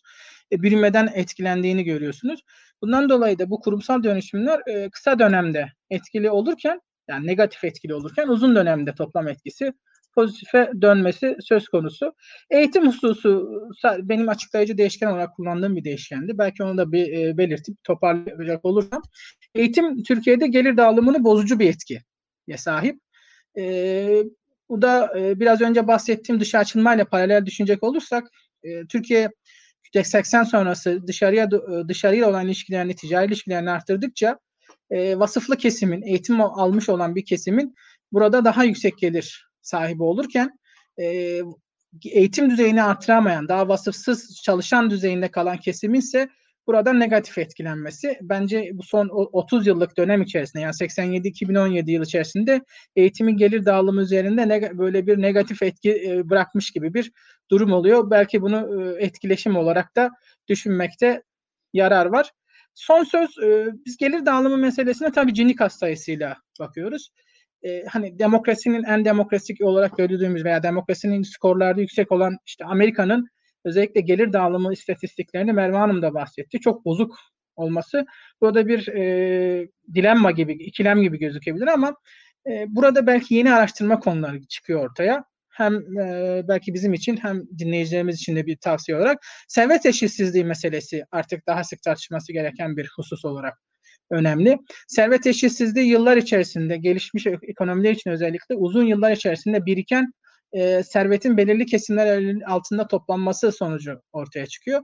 Servet eşitsizliği de belki daha sık e, tartışmamız gereken konulardan bir tanesi. E, bunu ileriye bırakıp ben sözü burada tamamlamış olayım. Çok teşekkür ediyorum.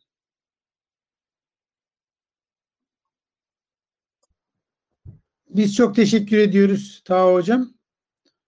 Bu çokça konuşulan, çokça tartışılan e, mevzuyu çok yalın bir şekilde anlattınız. Birkaç sorumuz var. O birkaç soruyu almak e, istiyorum. E, ilk önce e, Merve hocamıza bir sorumuz var. E, asgari ücretin e, olmaması gereken yerde e, olması gereken yerde olmamasının temel nedeninin işverenlerin kazançlarını paylaşmaması olduğunu mu soruyor bir e, izleyicimiz? Yani nasıl açıklarsın asgari ücretin düzeyini, durumunu Türkiye için nasıl açıklarsın? Sen sosyal politikalarda çalıştın bir dönem. Bu eşitsizlikler bağlamında asgari ücret politikalarını nasıl açıklarsın? Bugünlerde tam da asgari ücret komisyonu toplanmışken. buradan dünyaya bir mesaj vermek ister misin? Ya e, asgari ücret meselesi aslında e, sorunun içerisinde cevap gizli. Yani karın e, yükseltilebilmesi için ücretin bir şekilde minima, yani minimuma indirilmesi gerekiyor. Ve işveren de bu anlamda sistemin daha e, daha iyi geliştirilmesi yani sistemi düzenle düzeltmeye, organizasyon yapısının değişmesine de e, yakın gelecekte çok şey yapmadığı için yani üretimin artması için gerekli olan sistemi organizasyon yapısının değişmesi için de bir girişim ve hamlede bulunmadığı için asgari ücretin bu seviyede tutulması gerekiyor böyle düşündüğüm için değil yani işverenin bakış açısının bu olduğunu e, belirtmek amacıyla bunu söylüyorum. İşveren yani işçinin ücretinin daha yüksek tutuluyor olması demek aslında e, şeyin işverenin karı tekrar e, yükseltebilmesi için işçi e, azaltmasına gitmesi anlamına da bir diğer bir yönüyle geliyor. Onun için böyle e, Soru soru çok basit olduğu için şey yapamadım. kullanıyorsun. Evet tabii ki yani. Değil mi? Yani, Yani, evet iş, işverenler, kapitalistler karlarını azaltmak istemedikleri için asgari ücret düşük oluyor. Ama belki daha karmaşık cevabı bunun bizim çalışmamız açısından e, Türkiye'deki ekonominin üretkenlik ve verimlilik düzeyiyle de ilişkili bir daha karmaşık bir cevabı var. E, ama ne olursa olsun e, devlet asgari ücret düzenlemeye e, niyet etmişse, böyle bir e, sistem geliştirmişse o zaman insanların insani bir şekilde geçirecekleri, belki icadın kavramını kullanmamız lazım burada. İnsani ücreti kullanmamız lazım. E, yani bu anlamda e, bilmiyorum sen de bunun üstüne bir şey eklemek ister misin? Bu şekilde olduğu zaman ancak gelir gruplarının e, ve onların onun onların karşılaştıkları toplumsal sorunların e, daha düşük seviyelere indirilebilmesi mümkün. Çünkü bütün eşitsizliği temel sorun haline getiren şey bunu bu yaşam yaşamın insani bir şekilde devam ettirilememesi zaten her bütün gelir grupları için. Doğru. Evet, burada iki yaklaşım var. Bir yaklaşım diyor ki pastayı büyütelim. Eşitsiz de bölüşülse herkese daha çok düşer. Ama biz biliyoruz ki Amerika gibi pastanın çok büyük olduğu bir ülkede bile çok yüksek düzeyli bir yoksulluk var. Geçen gün bir rakam e, gördüm. 50 milyon kişi e, sağlık sisteminden yararlanamıyor. Sağlık sigortası yok. Asgari düzeyde bir sağlık sigortası yok. Yani ülkenin yaklaşık altıda biri demek 50 milyon kişi. Yani bu ülkenin ortalama e, gelir seviyesinin yüksek olması orada refahın olduğunu göstermiyor. E, bu anlamda e, Ömer Hocam bir sorumuz var size. Bu 1990'larda çokça e, ümit bağlanmıştı. Teknoloji gelişecek, üretim artacak, e, dünyada rekabet artacak ve eşitsizlikler azalacak diye. Ama sizin sunumunuz sanki bu teknoloji gelişiminin e, üretimi artırmak belki bir yana e, serveti geliri bir yerde biriktirme yönünde bir rol oynadığını gösteriyor. Bir izleyicimiz diyor ki teknolojinin gelişmesi eşitsizlikleri azaltır mı? Ee, azaltmıyor maalesef. Sonuçlar ortada. Ee, özellikle Taha Hoca'nın bitirirken söylediği servet eşitsizlikleri konusu bağlamında gerçekten ücret eşitsizlikleri ya da gelir eşitsizlikleri servet eşitsizliklerine doğru gidiyor. Fakat şunu söyleyebiliriz. Yani e, dijitalleşme üretimi biraz azaltıyor gibi gözükmekle beraber aslında insanoğlunun üretime her zaman ihtiyacı var. Yiyoruz, içiyoruz. Ee, Türkiye yine Süleyman Hoca'nın sunumundaki topraksızlaşma ya da topraksızlaştırma konusuyla birlikte düşündüğümüz zaman Türkiye toprak konusunda zengin bir ülke. Dolayısıyla dijitalleşmenin beraberinde getirdiği yetenek eşitsizlikleri noktasında çok ciddi anlamda istihdam dışı kalan nüfusumuzun önemli bir kısmını artık büyük ölçüde ithalata dönüştürdüğümüz ürünlerimizi ölçek ekonomisini de işin içine katarak üretebileceğimiz topraklarımız var. Burada tabii çok ciddi bir kamu politikası desteği gerekiyor ama bu kamu politikası desteğimizin maalesef son 30-40 yıldır uygulanan tarım politikalarından çok bambaşka bir şekilde olduğunu söylemek gerekir. Olması gerektiğini söylemeliyiz. Mamafi son yıllarda e, bir miktar e, toplulaştırma e, yani küçük parçalara bölünmüş işte miras yoluyla vesaireyle tarım arazilerinin toplulaştırılması mevzuatımız var. Kısmen belli bir noktaya geldi. En son bildiğim rakam %15'e yakındı Türkiye genelinde. Yani tarıma elverişli topraklar bakımından toplulaştırma yapılmıştı. İşte bunu e, destekleyip ve e, özel sektörde bu konuda ön açıp ölçek ekonomisi bağlamında ciddi verimlilik ve etkinlik çerçevesinde politikalarıyla çalışacak e, işletmelere ihtiyacımız var. Dijitalleşmenin ortaya çıkardığı ciddi e, eşitsizlikler burada e, telafi edilebilir diye düşünüyorum. Bu aynı zamanda bizim üretim kapasitemize ve dolayısıyla ihracat kapasitemize çok ciddi katkı verecek. Çok daha minimum ve makul maliyetlerle çok daha uygun fiyatlarla dünya pazarlarında da yerimizi alabiliriz diye düşünüyorum. Bu sadece tarım ürünleri için değil, diğer pek çok mesela bizim kobi potansiyelimiz de çok geniştir biliyorsunuz. Oysa kobilerimiz için de böyle ciddi bir e, politik atak, politik ataklarıyla bunu sağlayabiliriz diye düşünüyorum. Tabii Evet. bu konular aslında çok uzun uzun üzerinde ayrıca konuşmayı gerektiren konular. E, Bu konu için özel sayı çıkarttık işte hocam uzun uzun konuşulması gerektiğini düşündüğümüz Evet. için. E, çok teşekkür ediyorum. Siz de katkı yaptınız. Süleyman hocam şöyle bir soru var. Yani nihayetinde bu hareketler e, Brezilya'da kırsal e, hareketler. Belki kentsel yansımaları da olabilir. Bugünün dünyası gittikçe kentsel bir dünyaya doğru gidiyor. E, gelişmekte olan ülkeleri, kalkınmakta olan ülkeleri de düşündüğümüzde bu e, MST hareketinin tecrübesinden kentsel eşitsizlik karşıtı hareketler için ne devşirebiliriz, ne önerebilirsiniz? Sesi açabilirsek Süleyman Hocam. Ee, yani tabii e, her hareketin içinde bulunduğu şartlar e, farklı olabilir. Yani bu Brezilya'dan bahsediyorsak işte toprak e, çoğunluğu olarak yani neredeyse Türkiye'nin 10 katı büyüklükte bir topraklıkta nüfus olarak da yaklaşık işte 4 kat gibi yani 210 milyon gibi bir nüfusa sahip olduğunu e, düşünürsek pardon e, 4 kat bile değil 2,5 kat. E, yani e, bir kere hani şu ciddi bir sorun e, oradaki tecrübeyi dikkate alırsak yani bu kadar arazinin geniş olduğu bir yerde yani insanların işsiz, fakir, toprak sahibi olmaması ciddi bir sorun. E, yani bu e, şu açıdan bakıldığında e, yani bu, bu, açıdan bakıldığında daha doğrusu yani Türkiye'de de benzer toplu, benzer yerlerde de özellikle de kırsal alanda yani bu çünkü Türkiye'de mevzuat e, aslında kır şehir ayrımı çok fazla yapmıyor. Elbette ki bir takım detaylar olsa bile özel mülkiyetle ilgili, mülkiyetin kurumu, kurumuyla ilgili aslında çok genel mevzuatlar, kanunlar ve anayasada bir takım hükümler var. E, mesela bu yani, tabii her yerde belki çok mümkün olmayabilir. Ama mesela özellikle kırsal alanda e, uygulanabilir. E, yani bu birebir aynı olmak zorunda değildir. Yani buradaki aslında her toplum kendi içerisindeki dinamikleriyle bunu oluşturmaya çalışacak. E, mesele fiili olarak e, somut adım atma şeyi aslında. Yani bu, bu Türkiye'de bunun tezahürü farklı olabilir, ne bileyim İngiltere'de farklı olabilir. Ama e, ortak olan husus şu bütün her, hepsi için.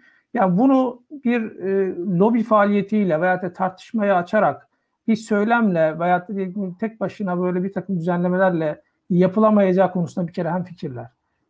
Bunu siz bir defa gündeme getirdiğinizde çünkü e, gündeme getirilmek de istenmiyor aslında başka bir yönüyle bakıldığında. Siz bunu gündeme getirdiğinizde bir şekilde taraf olanlar, gerek hükümetle ilgili veya da mülkiyet sahipleri meseleyi konuşmaya e, kısmen de olsa aslında belli tavizler, geri adım atmaya başlıyor. Bu açıdan bence e, topraksızlar hareketi önemli. Yoksa dediğim gibi yani bu birebir zaten e, kopyalamak hiçbir zaman anlamlı olmaz ama oradaki yöntem bir şekilde fiile işgal sonrasında sürdürülebilirlik, bütüncül olarak düşünebilme, mesela toplumsal hareketlerin belki de en büyük sorunu genelde dünyada, Türkiye'de dahil olmak üzere çok mikro alana herkes odaklanıyor ve onun dışında o kişinin işte diğer ihtiyaçlarını, yani zihinsel, entelektüel ihtiyaçlarını dikkate almadan mikro anlamda bir operasyon yapmaya çalışıyor. Bu da çok lokal kalıyor. Ee, işte bu mesleğinin belki de tecrübesinin en büyük yönlerinden bir tanesi daha bütüncül bakıyor ciddi eğitimler veriyor mesela. Bir, bilinçlendirme faaliyetleri yapıyor. E, bu açıdan bakıldığında aslında e, her toplumun yani sanayileşmiş toplumlarda bile e, oralarda mesela işsizlik olduğunu düşünürsek hani tarzı değişebilir. Yani orada artık toprakla ilgili değil de başka türlü bir direniş, belki bir e, nasıl diyelim bir e, grev sonucu gibi bir şey ortaya çıkabilir. E, dolayısıyla hani bu tecrübeyi dediğim gibi birebir e, özellikle onun altını çizdim. Yani birebir almak her zaman anlamlı sonuçlar vermeyebilir. Ama hareket tarzı, e, yöntemi bir şekilde din, dinamiklerini dikkate aldığımızda ben e, her ülkenin mutlaka buralardan bir şeyler e, devşirebileceğini düşünüyorum. Evet, teşekkür ediyoruz. Sağ olasın. Ee, yani tabii dini duygulara, dini düşüncelere dayalı olması ayrıca öne çekici. Tabii. Sizin vurgunuzda hani eşitsizlikten rahatsız olmak yetmez, örgütlenmek ve mücadele etmek gerekir yönünde anlıyorum ben. Evet, doğrudur efendim. Ee, Tala hocam, Taha hocam size de şöyle bir soru var. Yani bu çok sık kullanılır ama sizden çok kısa cevap istiyorum. Ee, yani işte milli gelirimiz 20 bin dolar olduğunda efendim memlekete demokrasi gelir. Ee, işte ya da ne bileyim ya bütün bunlar gelirimizin düşüklüğünden kaynaklanıyor. Milli gelir 25 bin dolar olursa e, biz işte e, yerlere tükürmeyiz artık. Birbirimize sayın ve bey diye hitap ederiz. Ee, sen ne düşünüyorsun bu hususta? Çok spekülatif bir soru oldu abi. soru olması yönüyle.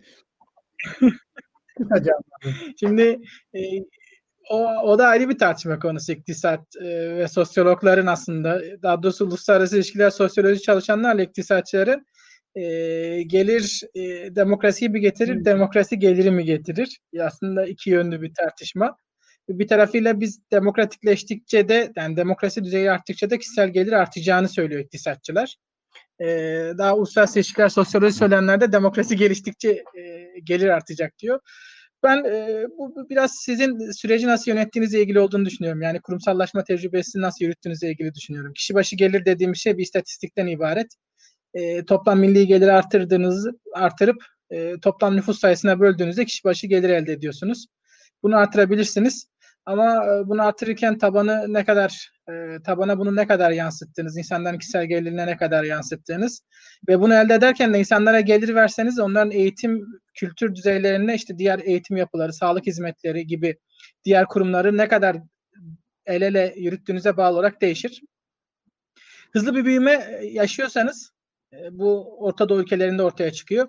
Hızlı bir büyüme her zaman toplumsal gelişmeyi beraberinde getirmeyebilir. E, bu büyük daha farklı bu sefer sorunlar çıkarır. Belki daha yavaş büyüyen, kurumsallaşmaya adımları yavaş yavaş atan ülkeler daha başarılı gibi duruyor. Sizin nasıl büyüdüğünüze de bağlı. evet. Çok değişken var. Ama asıl olan Çok değişken. asıl olan ekonomi büyürken e, ülkenin e, ve tabiatın gelecek kuşaklarında tabii ki kaynakları kullanılırken bütün bunu bütün insanlara e, en iyi şekilde en uygun şekilde yansıtabilecek bir sistemin oluşması. Tabii orada işte nesiller arası gelir dağılımı konusu da yani aslında bir tartışma konusu. Yani geleceğin e, kaynaklarını bugünkü nesiller adına kullanıp bu sefer nesiller arası adaletsizlik de ortaya çıkarmamak lazım. Abi Evet. o da evet, sürdürülebilirlik açısından önemli bir yer. Evet, teknik masa uyarıyor beni. Bir sonraki oturum 18.50'de hocam diye. Ee, Oturumlar arası bir eşitsizlik oluşturmamak için. E, Ama yine de ilk oturum olmanın e, payını da az kullanmış olduk. Kıymetli hocalarım, e, değerli izleyiciler, İnsan ve Toplum dergisinin 10. yılı münasebetiyle hazırlamış olduğumuz Türkiye'de e, sosyoekonomik eşitsizlikler konulu sayımız çerçevesinde düzenlediğimiz Dünyada ve Türkiye'de toplumsal eşitsizlikler panelinin birinci oturumunu tamamlıyoruz. Ben bu oturumda sunum yapan Merve Akkuş Güvendi, Ömer Torlak, Süleyman Güder ve Tahiri hocalarıma çok teşekkür ediyorum. Yayının gerçekleşmesinde e, emek sarf eden e, Yusuf Temizcan, Okan Erdağ ve e, Fuat kardeşimize de çok teşekkür ediyorum. Çok sağ olsunlar. E, hepinize iyi akşamlar diliyorum. 5 dakika dinlendikten sonra ikinci oturumu dinlemek üzere koltuklarımızdaki yerimizi alacağız efendim.